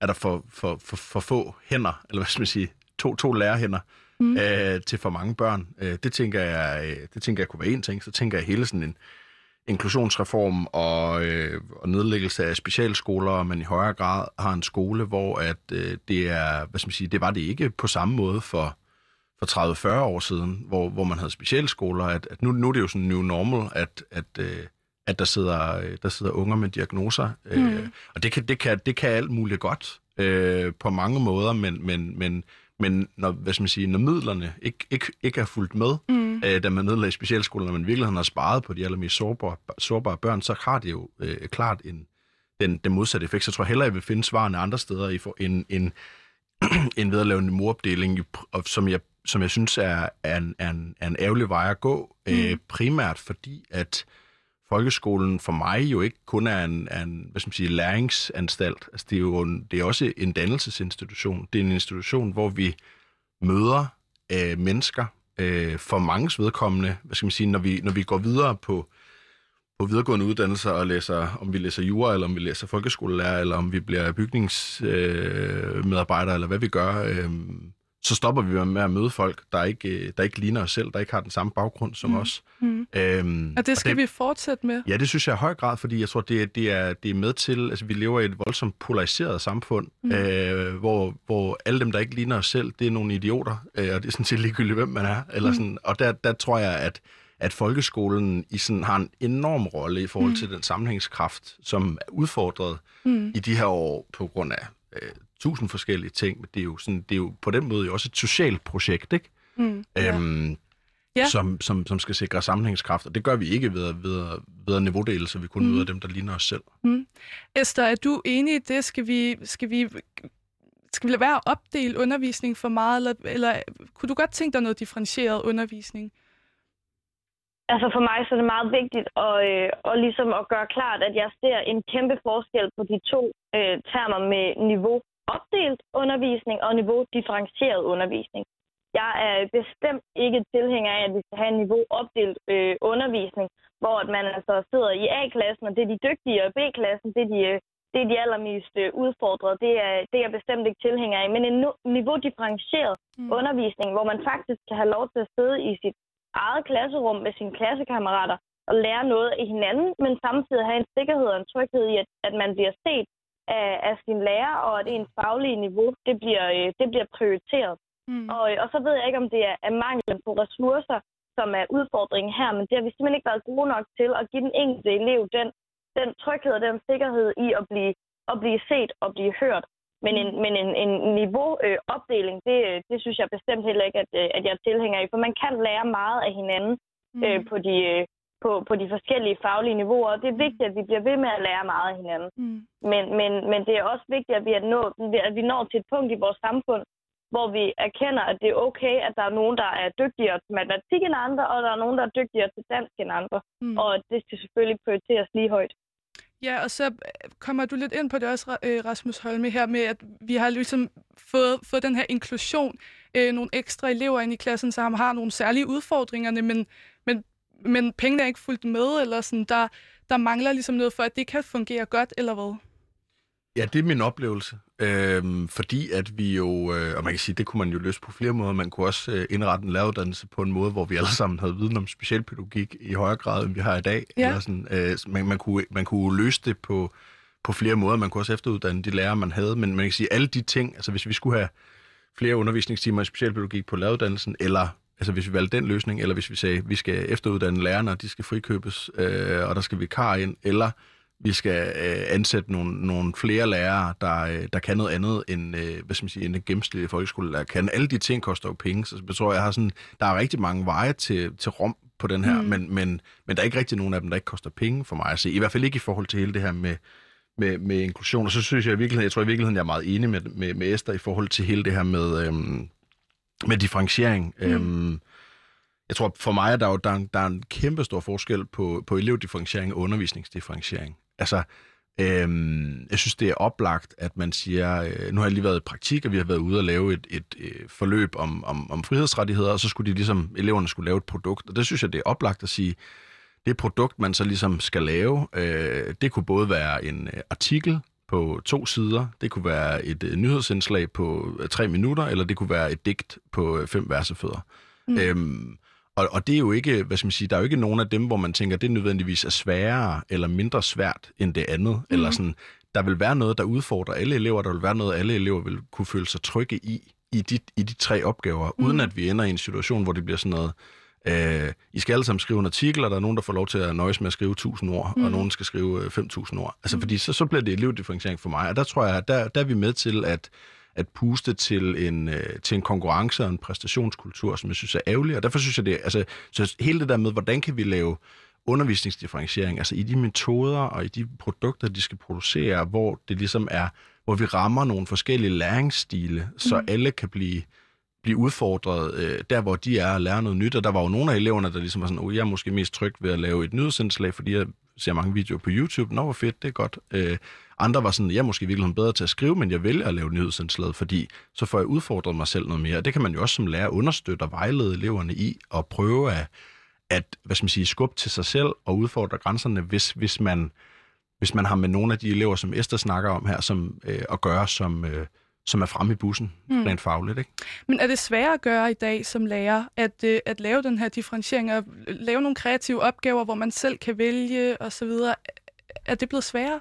Altså, øh, altså, øh, altså det, det, det, det, det, bliver, det bliver lidt sådan en, der, der vil være så rigtig mange lytter, der synes, det er rigtig træls, at jeg bliver ved med at snakke om forberedelsestid, men, men, men, men, men det er bare det, det handler om, fordi, ja. fordi altså, øh, når jeg, da jeg skulle lave det her forløb, det er jo klart, at hvis jeg skal forberede, at man skal kunne lave tre forskellige produkter, og jeg skal finde øh, eksempler på nyhedsindslag, hvordan kan man bygge dem op, jeg skal finde eksempler på digte, som man kan lade sig inspirere af, og jeg skal finde eksempler på artikler, hvordan de er bygget op, og øh, øh, hvordan alt sådan noget der. Altså sådan, det, det tager jo længere tid at forberede øh, under, altså, øh, hvad, hedder, hvad skal man sige, undervisning, der der er i stand til at differentiere, så alle elever bliver, bliver udfordret der, hvor de er. Det tager jo længere tid at, mm. at researche og finde alle de der ting frem. Og der tror jeg, at, at, at det, der jo er sket i høj grad i folkeskolen, det er, at, øhm, at man, man ligesom, du skal hakke nogle mål af, at du har ikke så meget forberedelsestid, så bliver det sådan noget platformspædagogik, og så hiver du noget ned for Clio, eller sådan et eller andet, hvor som netop bare er et eller andet, lavet et nyhedsindslag, og så er der øh, øh, fint beskrevet, hvordan man gør det, men du får ikke mulighed for at vælge alle mulige andre ting. Og der mm. tror jeg, at det, det, det, når, når det bliver forsimplet, og det gør det, når man ikke har tid til at forberede det ordentligt. Altså man kan sige, der er man jo heldig, når man er i praktik, særligt i, som lærerstuderende, særligt i corona, jeg har undervist to timer om ugen. Øh, så man kan sige, hvis jeg skulle have et, hvis det skulle være et fuldtidsstudie, så skulle jeg bruge 35 timer øh, mm. forberedelse til to lektioner. Ikke? Mm. Det er måske lige knap brugt, men, men, men så er det klart, så kan du lave mere spændende undervisning, hvis du har 15 minutter. Altså det giver meget god mening. Ja. Jeg tror ikke, du skal være bekymret for, at der sidder helt vildt mange lyttere øh, og, og synes, det er nederen, du taler om forberedelse, øh, forberedelsestid. Øh, jeg synes, det er så fint, du, du snakker om det. Det er selvfølgelig mega relevant for jer og, og giver god mening. Det, det har du lige været inde på jo. Øh, Esther, tror du også, at det, at det er sådan nogle ting, vi skal kigge på? Øh, forberedelsestid, mere frihed til at lave nogle kreative løsninger øh, og, og forskellige opgaver til forskellige elever. Øh, Esther? Jo, altså det er ikke, ja, det er ikke fordi, at det, det er ikke fordi, at jeg som, som udgangspunkt har særlig mange holdninger til, til forberedelsestid. Det synes jeg, det er, er super fedt, at uh, Rasmus han kan svare på det, fordi som, som, uh, som elev, så må jeg nok vælge at tage det standpunkt, som, uh, som, som går ud på, at, at jeg, uh, jeg repræsenterer, hvad, min, hvad mine medlemmer uh, synes er vigtigt. Mm. Og så, uh, så synes jeg, at lærerne de skal have nok ressourcer og nok tid Øh, og det, er, det er så fedt, at der er nogen som Rasmus, som så kan definere, hvad, hvad nok øh, det ligesom er. Yeah. Men jeg kan sådan set, øh, jeg kan sådan set øh, følge rigtig meget af det, du siger, Rasmus, i forhold til øh, den her undervisningsdifferentiering, differentiering, som også sagtens kan indgå som en del af den samlede niveaudifferentiering øh, differentiering og den samlede øh, undervisningstime det, der er vigtigt for mig, når jeg snakker for eksempel om tryghed, det er ikke så meget tryghed i, hvad man egentlig synes, man selv er god til, men tryghed i, hvad man egentlig synes, øh, eller tryghed i, at man egentlig oplever, at ens lærer er opmærksom på øh, ens udvikling og ens progression, ens øh, faglige niveau. Og det tror jeg netop er noget af det, som kunne være en stor motivationsfaktor, hvis man ikke føler sig usynlig og nede i hjørnet, og er usikker på, om ens lærer egentlig overhovedet ser, at man faktisk har nogle udfordringer mm. øh, eller om ens lærer opdager, at man øh, faktisk takker bagud i, øh, i, i dansk. Altså, der tror det, det sådan set er mere demotiverende, end hvis det er, at man bliver mødt på halvvejen og siger, jeg kan godt forstå, at du har det svært.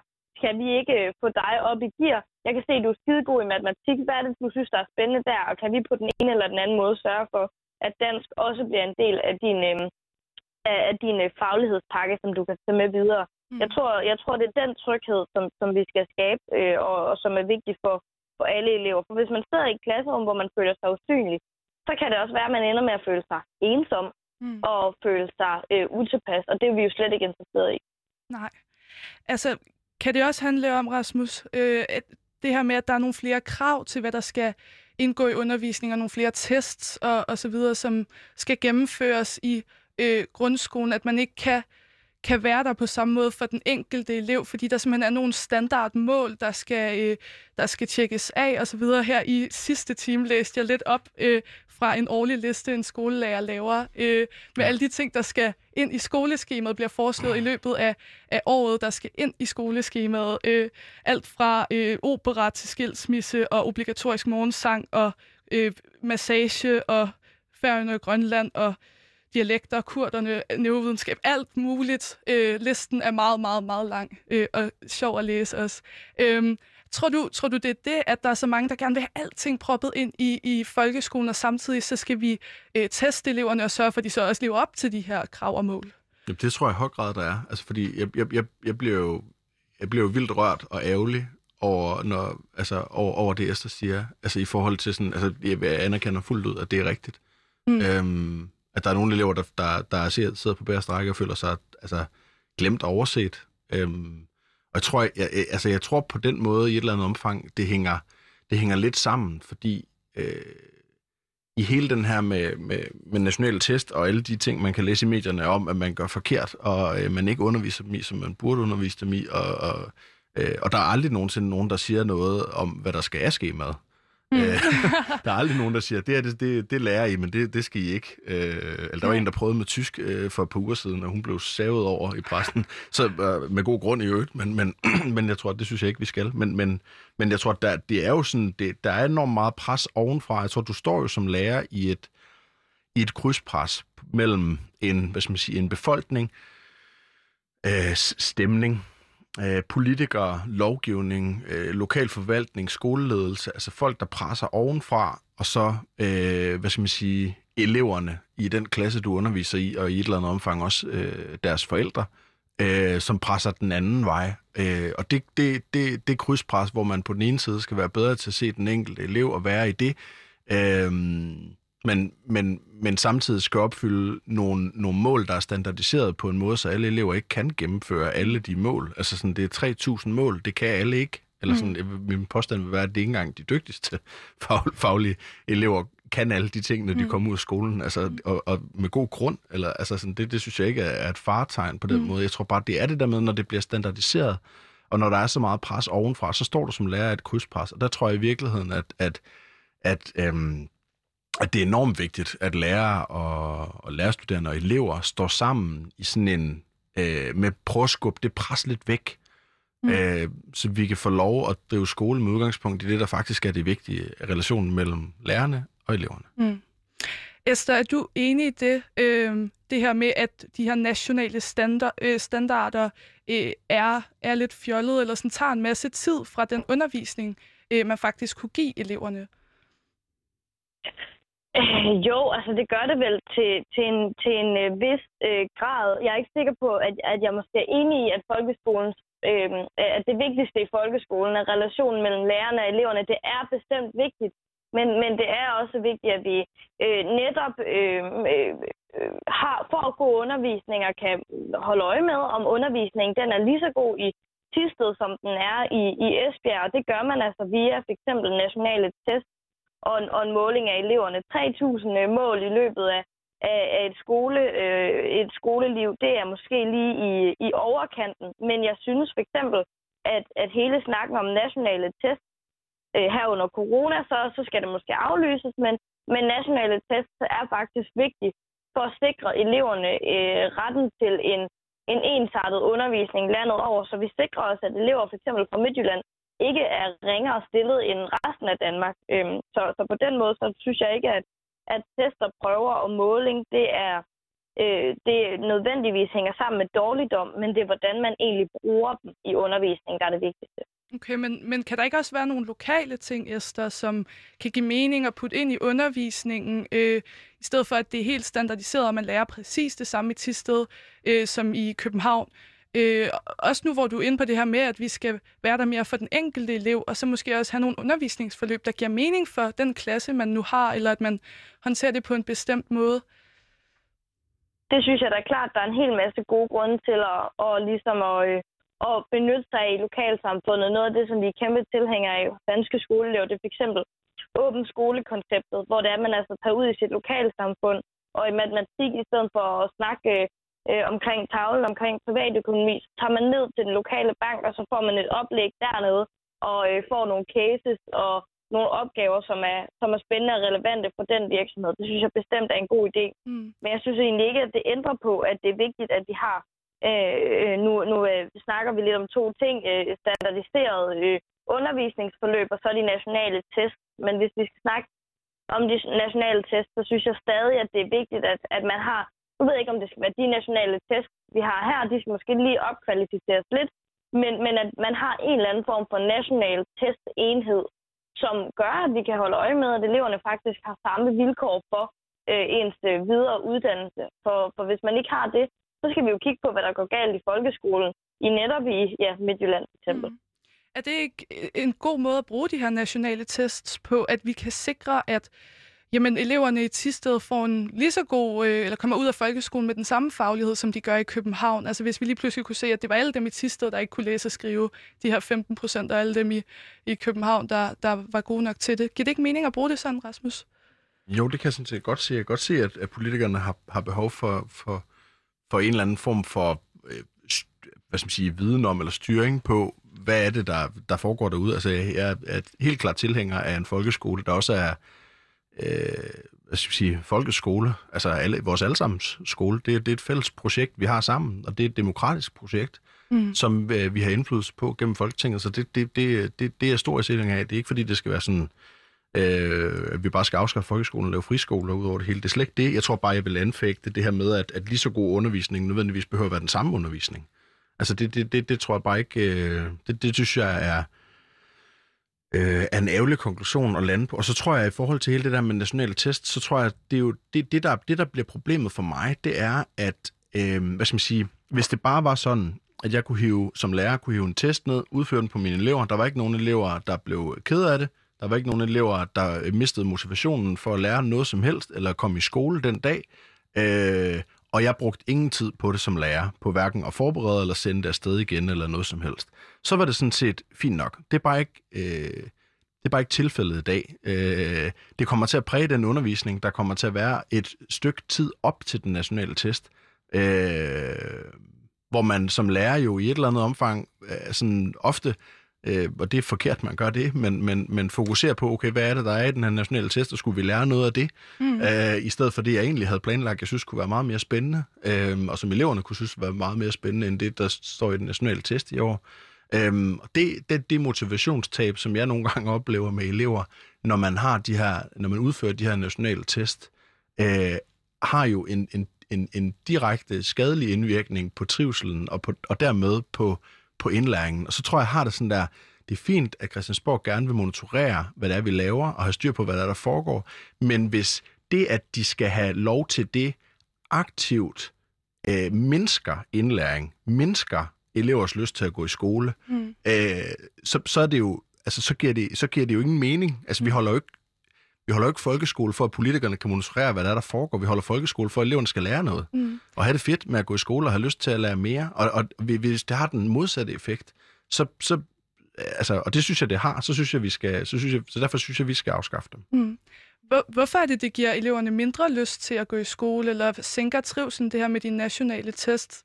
Ja, det er lidt ledende. Jeg, jeg havde mm. det fint nok med de nationale tests, fordi at jeg klarede det fint i dem. Altså, hvordan, hvordan påvirker det eleverne med de her nationale tests? Det, der er issueet, det er jo øh, for mig at se i høj grad de elever, som, som, som, som jeg synes er de vigtigste at snakke om, netop de her 15 procent, mm. der, øh, der ikke kan øh, sådan helt basale ting. Øh, når, når, når de er færdige med folkeskolen, hvis det er dem, vi skal have fokus på, altså det, er jo, det er jo dem, det rammer allerhårdest. Altså når, du, når, når de elever kommer op i skolen øh, med sveden drøbende ned af, af nakken, Øh, og fordi de ved, at jeg kommer op i skolen i dag og får et nederlag. Mm. Det ved jeg, allerede inden jeg kommer i skole.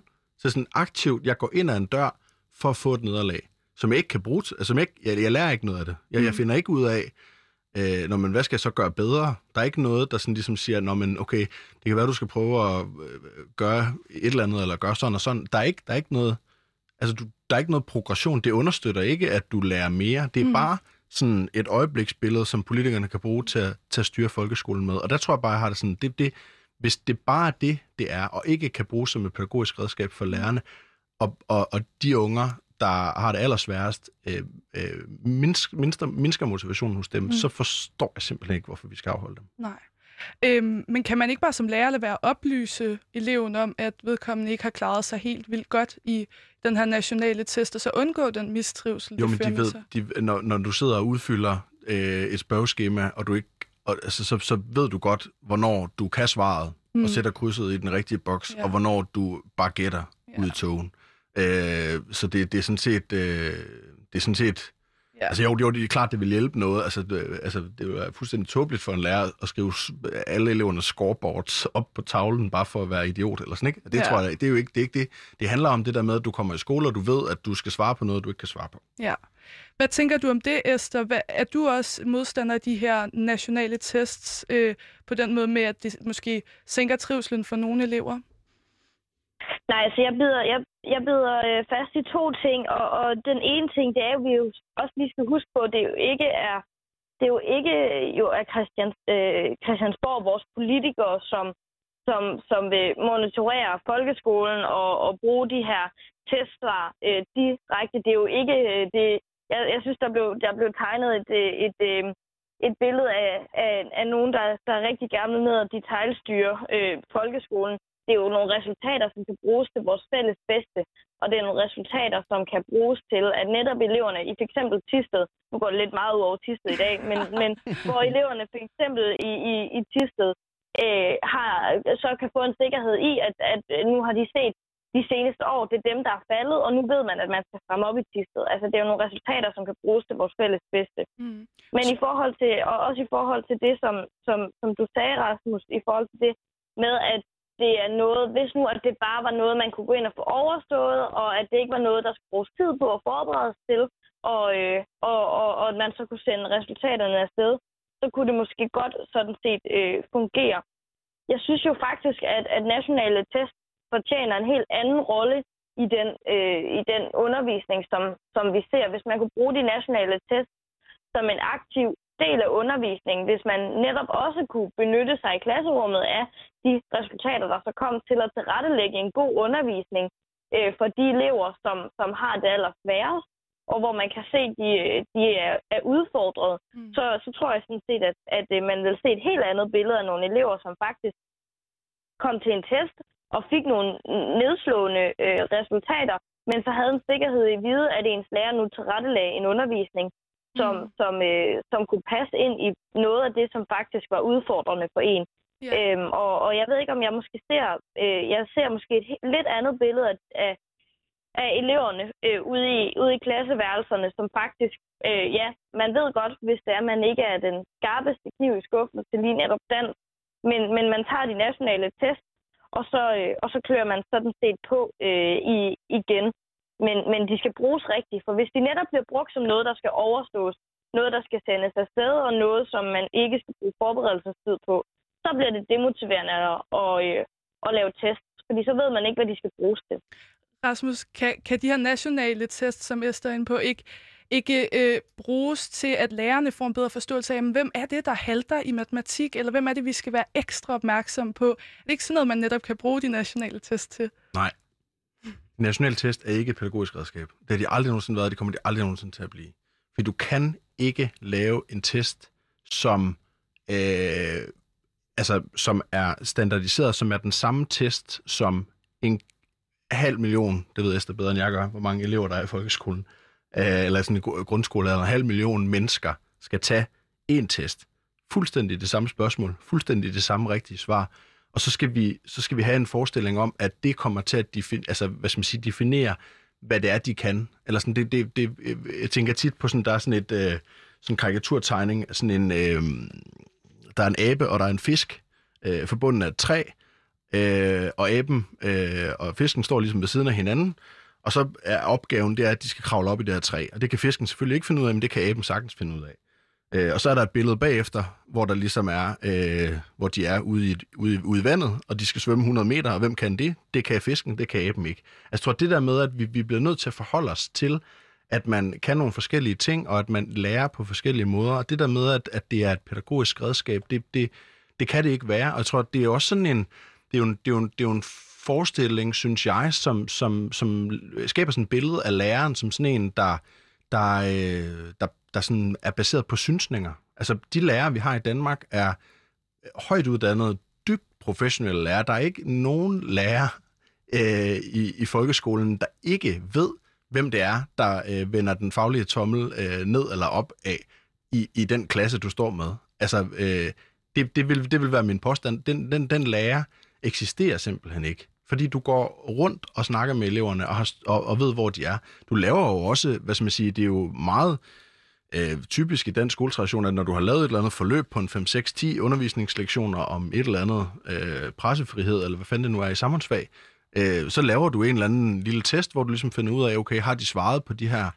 Øh, kan, kan, kan, kan de svare på, hvad pressefrihed er? Kan de bruge begrebet øh, i, i en aktuel sammenhæng og sådan nogle ting, øh, som man vil gøre i samfundsfag for eksempel? Altså, jeg tror, det der med, at lærerne ikke aner, hvor, hvor, hvor eleverne er, øh, det, øh, det, det, det tror jeg simpelthen ikke på. Og, og jeg synes helt klart, at vi skal øh, teste øh, eleverne for at finde ud af, øh, præcis hvor de er, få et mere præcist billede af det, men så bliver det nødt til at tage udgangspunkt i den undervisning, vi har givet dem, og ikke et eller andet, som vi synes, de burde have haft undervisning i. Mm. Esther, er det fordi, du ikke har tiltro til lærerne, øh, at, om de nu ved, hvem der er særlig udfordret, eller har brug for noget ekstra støtte og hjælp, at du tænker, det kunne være en god idé med noget mere test?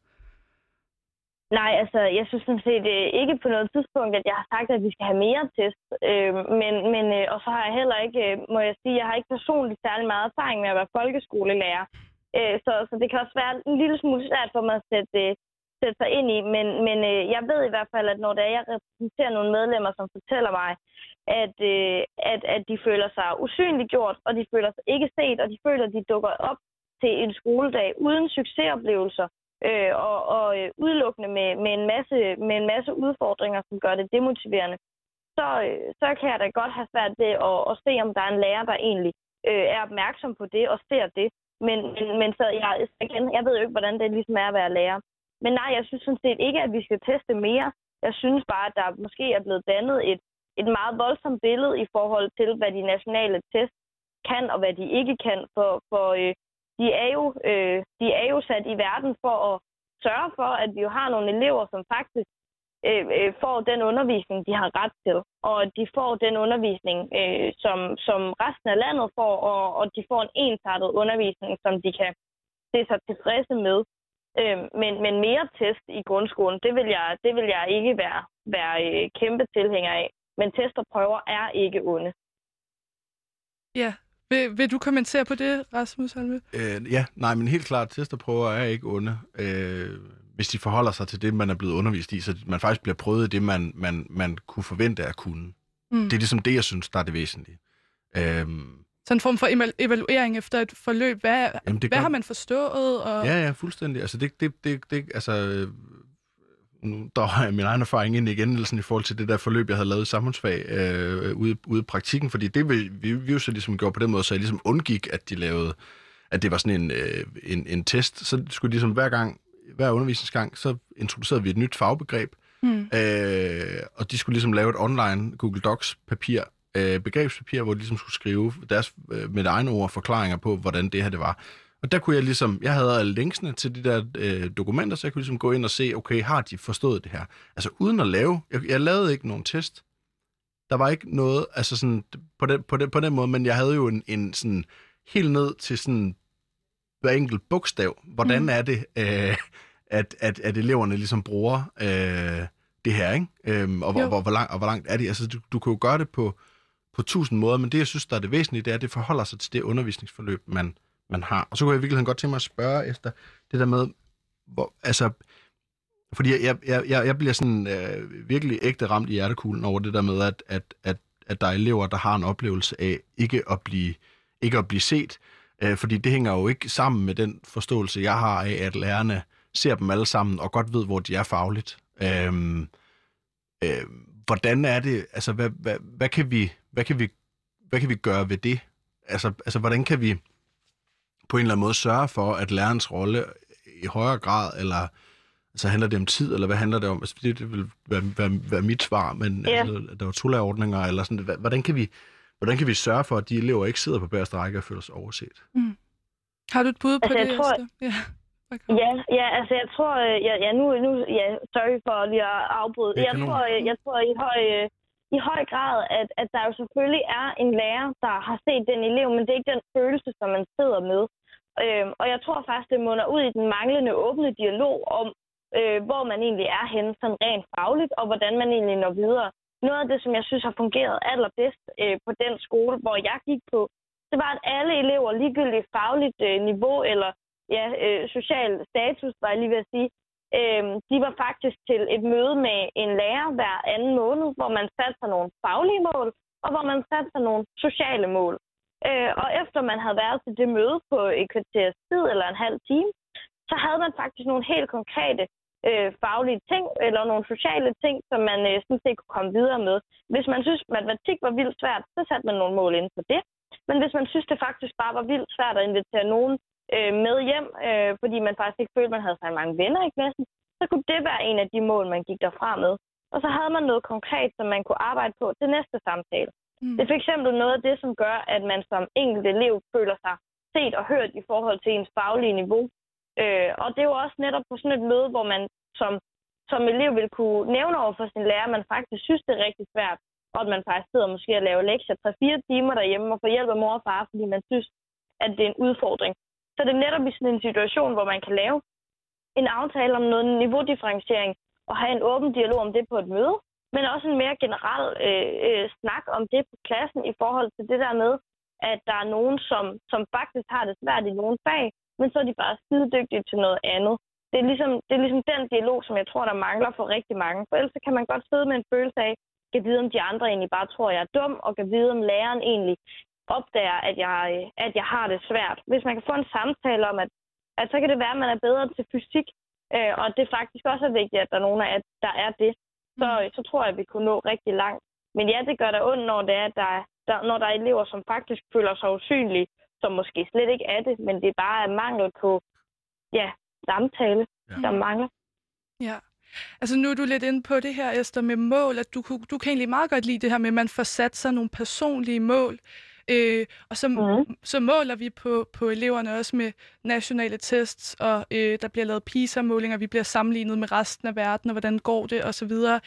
Øh, Kan det ikke, kan det ikke øh, jeg ved godt, det at sætte et mål er lidt noget andet, end det her med sådan at måle faglighed, men Mm-hmm. men, men, men kan der ikke også være nogle ting i folkeskolen, som kunne være gode at komme igennem, og også øh, er en del af formålet, måske det her med demokratisk dannelse for eksempel, øh, som man ikke nødvendigvis kan måle, eller som man ikke kan sætte et mål om øh, helt konkret, øh, jamen så skal jeg være øh, så og så demokratisk dannet, eller sådan.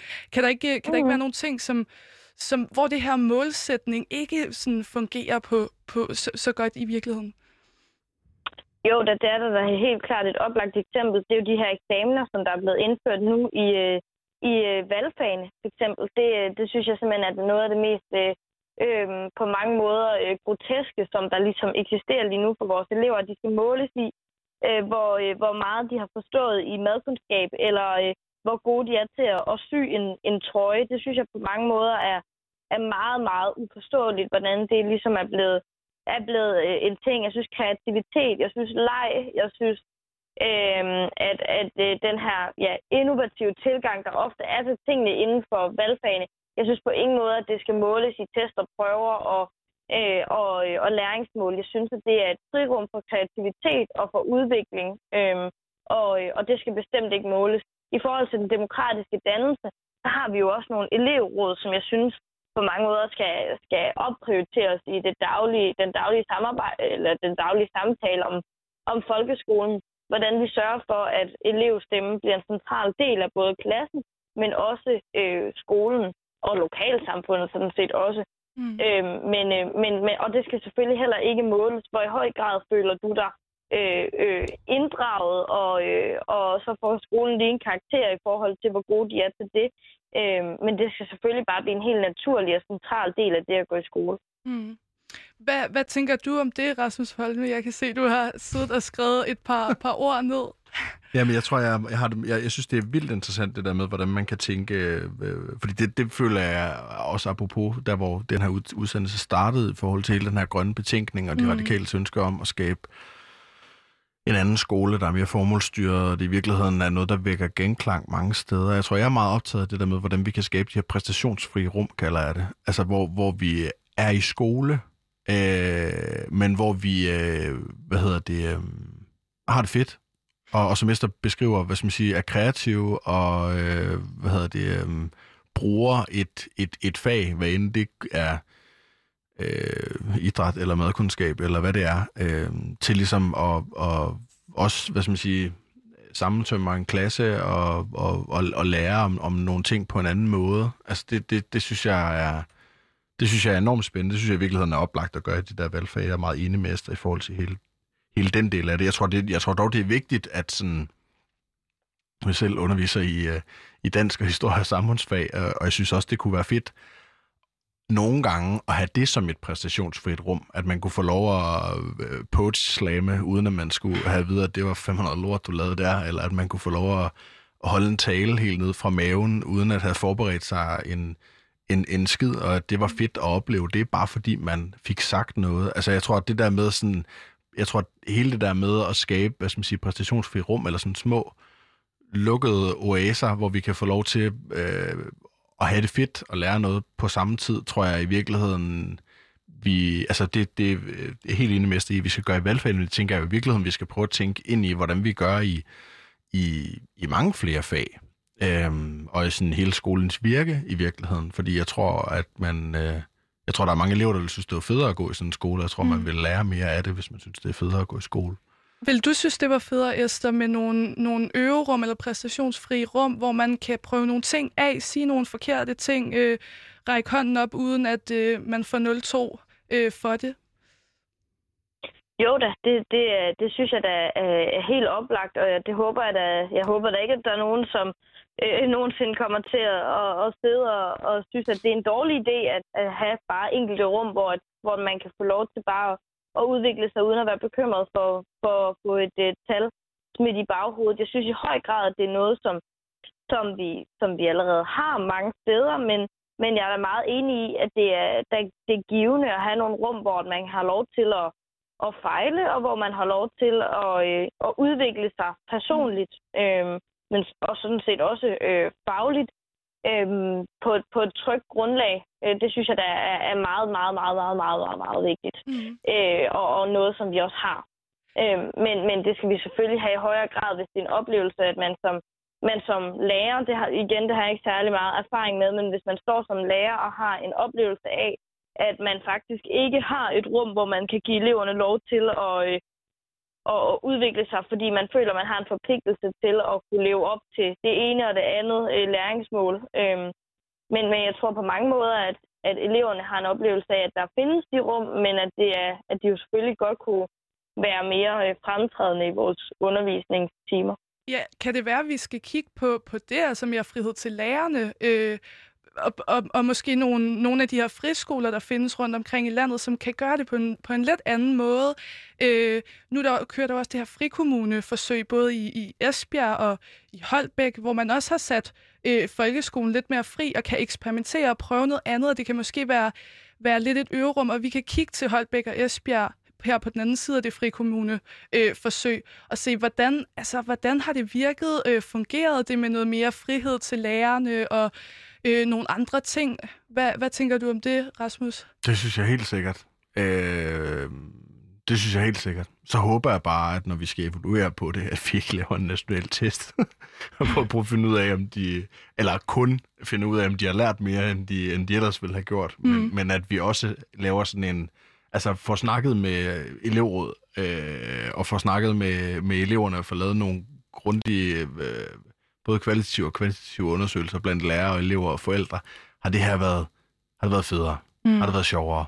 Mm. Øh, øh, havde vi mere lyst til at gå i skole? Altså, sådan, altså at, det, at det også er nogle af de spørgsmål, vi stiller Ja. Øhm, I stedet for udelukkende at, at se, okay, har det her en, en læringsmæssig effekt, sådan øh, helt standardiseret? Mm. Øh, jeg synes, det kunne være fedt, hvis vi målte på nogle, på nogle andre ting også, yeah. øh, når, når vi skulle evaluere det der frikommuneforsøg. Fordi jeg tror, hvis vi evaluerer på nogle andre ting også, så tror jeg, det, jeg tror, det er der, det kommer til at bonge mest ud. Yeah. Altså på, øh, på, hvad skal man sige... Øh, Trivsel. Ja. ja. ja. ja. Tror du også det, Esther? Øh, altså, ja, klart det kommer det udført korrekt, så kommer det til at, at øh, skabe, give en helt anden folkeskole, end den vi kender, og det skal vi jo selvfølgelig øh, der vil jeg godt, øh, der vil jeg egentlig godt stå på mål for, øh, for måling og, øh, og i både øh, hoved og ja, øh, over det hele. Øh, det synes jeg er, er meget, meget vigtigt for, at det her frihedsforsøg, det ikke bliver et Holbæk og et Esbjerg-forsøg, men at det bliver et forsøg for hele den danske folkeskole, øh, hvor vi kan indhente øh, en masse gode øh, erfaringer. Øh, for mig der er det, jeg er den klare overbevisning, at en folkeskole og en kommune sådan set kan blive for øh, fri Øh, og det er vigtigt, at der er nogle helt grundlæggende rettigheder, som, som eleverne ligesom stadig har til deres mm. skoledag. For eksempel retten til elevråd, retten til et godt undervisningsmiljø yeah. øh, og, og, og sådan nogle ting. Hvordan, så kan, jeg den, håber, jeg, hvordan kan folkeskolen ja. blive for fri? Hvad er det, du mener med det? Ja. Jamen, når vi snakker for eksempel om frihedsforsøget, så når jeg ligesom kigger på det med min, med min øh, elevøjne, så, øh, så lige så snart, at man hører frihed på folkeskolen, så øh, hører man i samme omgang også en fratagelse af øh, rettigheder til eleverne. For mm. eksempel retten til øh, ikke at sidde i en klasse med mere end 28 elever. Retten til at øh, kunne danne elevråd. Retten til 45 minutters bevægelse. Retten til åben skole. Det er lige pludselig meget af det, det er blevet taget fra eleverne.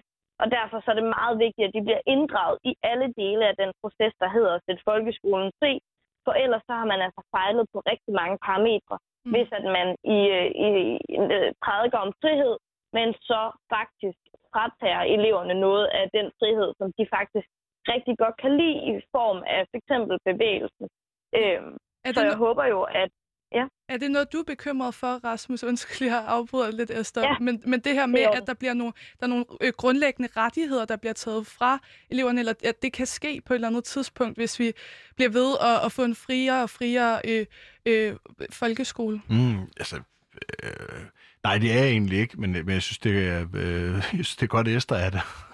det skal man da selvfølgelig bekymre sig for som skoleelevs organisation, yeah. eller sådan, hvad, hvad, altså det, selvfølgelig skal I det. Øhm, og jeg tror ikke, øh, jeg tror ikke, altså sådan, jeg, jeg tænker, det er jo ikke, altså, jeg tænker, der er forskel på, altså, ja, altså, hvor, hvor, hvor fri, ikke? Altså, fordi jeg tænker ikke, at vi skal ud i at have en for, altså, det er fuldstændig enig med vi skal ikke ud i at have så frie folkeskoler, at, at, øh, at vi kan nedlægge elevråd og, øh, at vi kan øh, fratage al øh, forberedelsestid for lærerne, fordi det er også meget grinerende at forberede, eller undervise uden forberedelsestid, eller mm. hvor vi øh, siger, at der kan være 50 elever i klasserne, eller, eller altså sådan, nej, selvfølgelig skal vi, altså det, det er jo sådan nogle øh, øh, helt basisrettigheder, men, men, men jeg synes, der er, øh, jeg synes, der er et mellemstadie mellem det, der er totalt frit og ikke har noget som helst, nogen som helst retningslinjer eller lovgivninger, og så den skole, vi har i dag. Altså det synes jeg, i højere, det synes jeg, vi burde bevæge os i højere grad øh, hen mod den anden skole. Der. Vi skal ikke fjerne de der basisrettigheder, men jeg synes, mm. det kunne være rigtig spændende, hvis vi, øh, hvis vi havde... Altså, øh, det handler også om, hvor, hvor, hvor frie er vi til at bruge penge på folkeskolen, så man kan have to så vi kan... Øh, hvor, hvor frie er vi til at have mere forberedelsestid, så vi netop kan lave åben skole og, og, og forberede virksomhedsbesøg eller øh, besøg i mm. øh, kulturliv eller sådan noget der, ikke? Altså sådan, jeg synes, der er helt... Altså, jeg synes, der er... Eller, i forhold til hele, sådan, hvad er det for nogle mål, vi skal opfylde, mm. og, øhm, og sådan nogle ting. Altså, fordi, fordi jeg tror, øh, det, det, det tror jeg, der kunne være rigtig meget musik, jeg kunne skabe en meget mere varieret, meget mere spændende skoledag for både elever og lærere. Mm. Esther, synes du, der skal rykkes på, hvad, hvad målene er med folkeskolen, eller måske formålet med folkeskolen? Øh, synes du, vi skal have lavet om i den formålsparagraf, som den ser ud nu, eller er det, er det sådan noget, man kunne ændre på for at få en bedre folkeskole? Jamen altså, jeg synes sådan set, at formålet med, med folkeskolen står, står ret klart, øh, og jeg, jeg fik måske også tegnet et, et dommedagsbillede af, øh, hvordan et frihedsforsøg kunne se ud. Jeg glæder mig meget til at følge det, og jeg er sikker på, at det ligesom ender et sted, øh, hvor det ikke er, øh, er ja, pest eller kolera, men hvor man faktisk øh, ender et, øh, et sted i en eller anden form for harmoni, øh, hvor både forældre og lærere og elever og skoleledere og jeg ved ikke hvad er blevet inddraget i tilrettelæggelsen af den gode, af den gode skoledag. Øhm, men, men jeg synes sådan set, at, at jeg glæder mig til at se, hvordan Esbjerg og Holbæk de netop vil øh, ja, fortolke på vores folkeskoles øh, formålsparagrafer mm. øhm, og sørge for, altså jeg glæder mig specielt meget til at se, hvordan de vil sørge for, at hele den demokratiske del af, af, af folkeskolen, hvordan den vil blive mere fremtrædende. Det håber jeg, at den vil i, i begge kommuner. Hvordan mm. man sørger for, at demokratiet og dannelsen omkring den øh, bliver, en, bliver en større del af, af dag-til-dag undervisning. Fordi det er jo noget af det, som er ja, øh, formålet. Det er jo at danne hele mennesker, der er klar til det demokratiske samfund efter øh, efter skolen. Så det glæder mig meget til at se, hvordan de ligesom vil, vil løse. Det bliver de sidste ord i dag. Det var altså Rasmus Holme, tidligere forperson for Lærerstuderendes Landskreds og selv lærerstuderende, og med på en telefon Esther Vyf, formand for Danske Skoleelever. Tak fordi I var med begge to. Mit navn er Olivia Kofod Olesen, og du lyttede til Aula.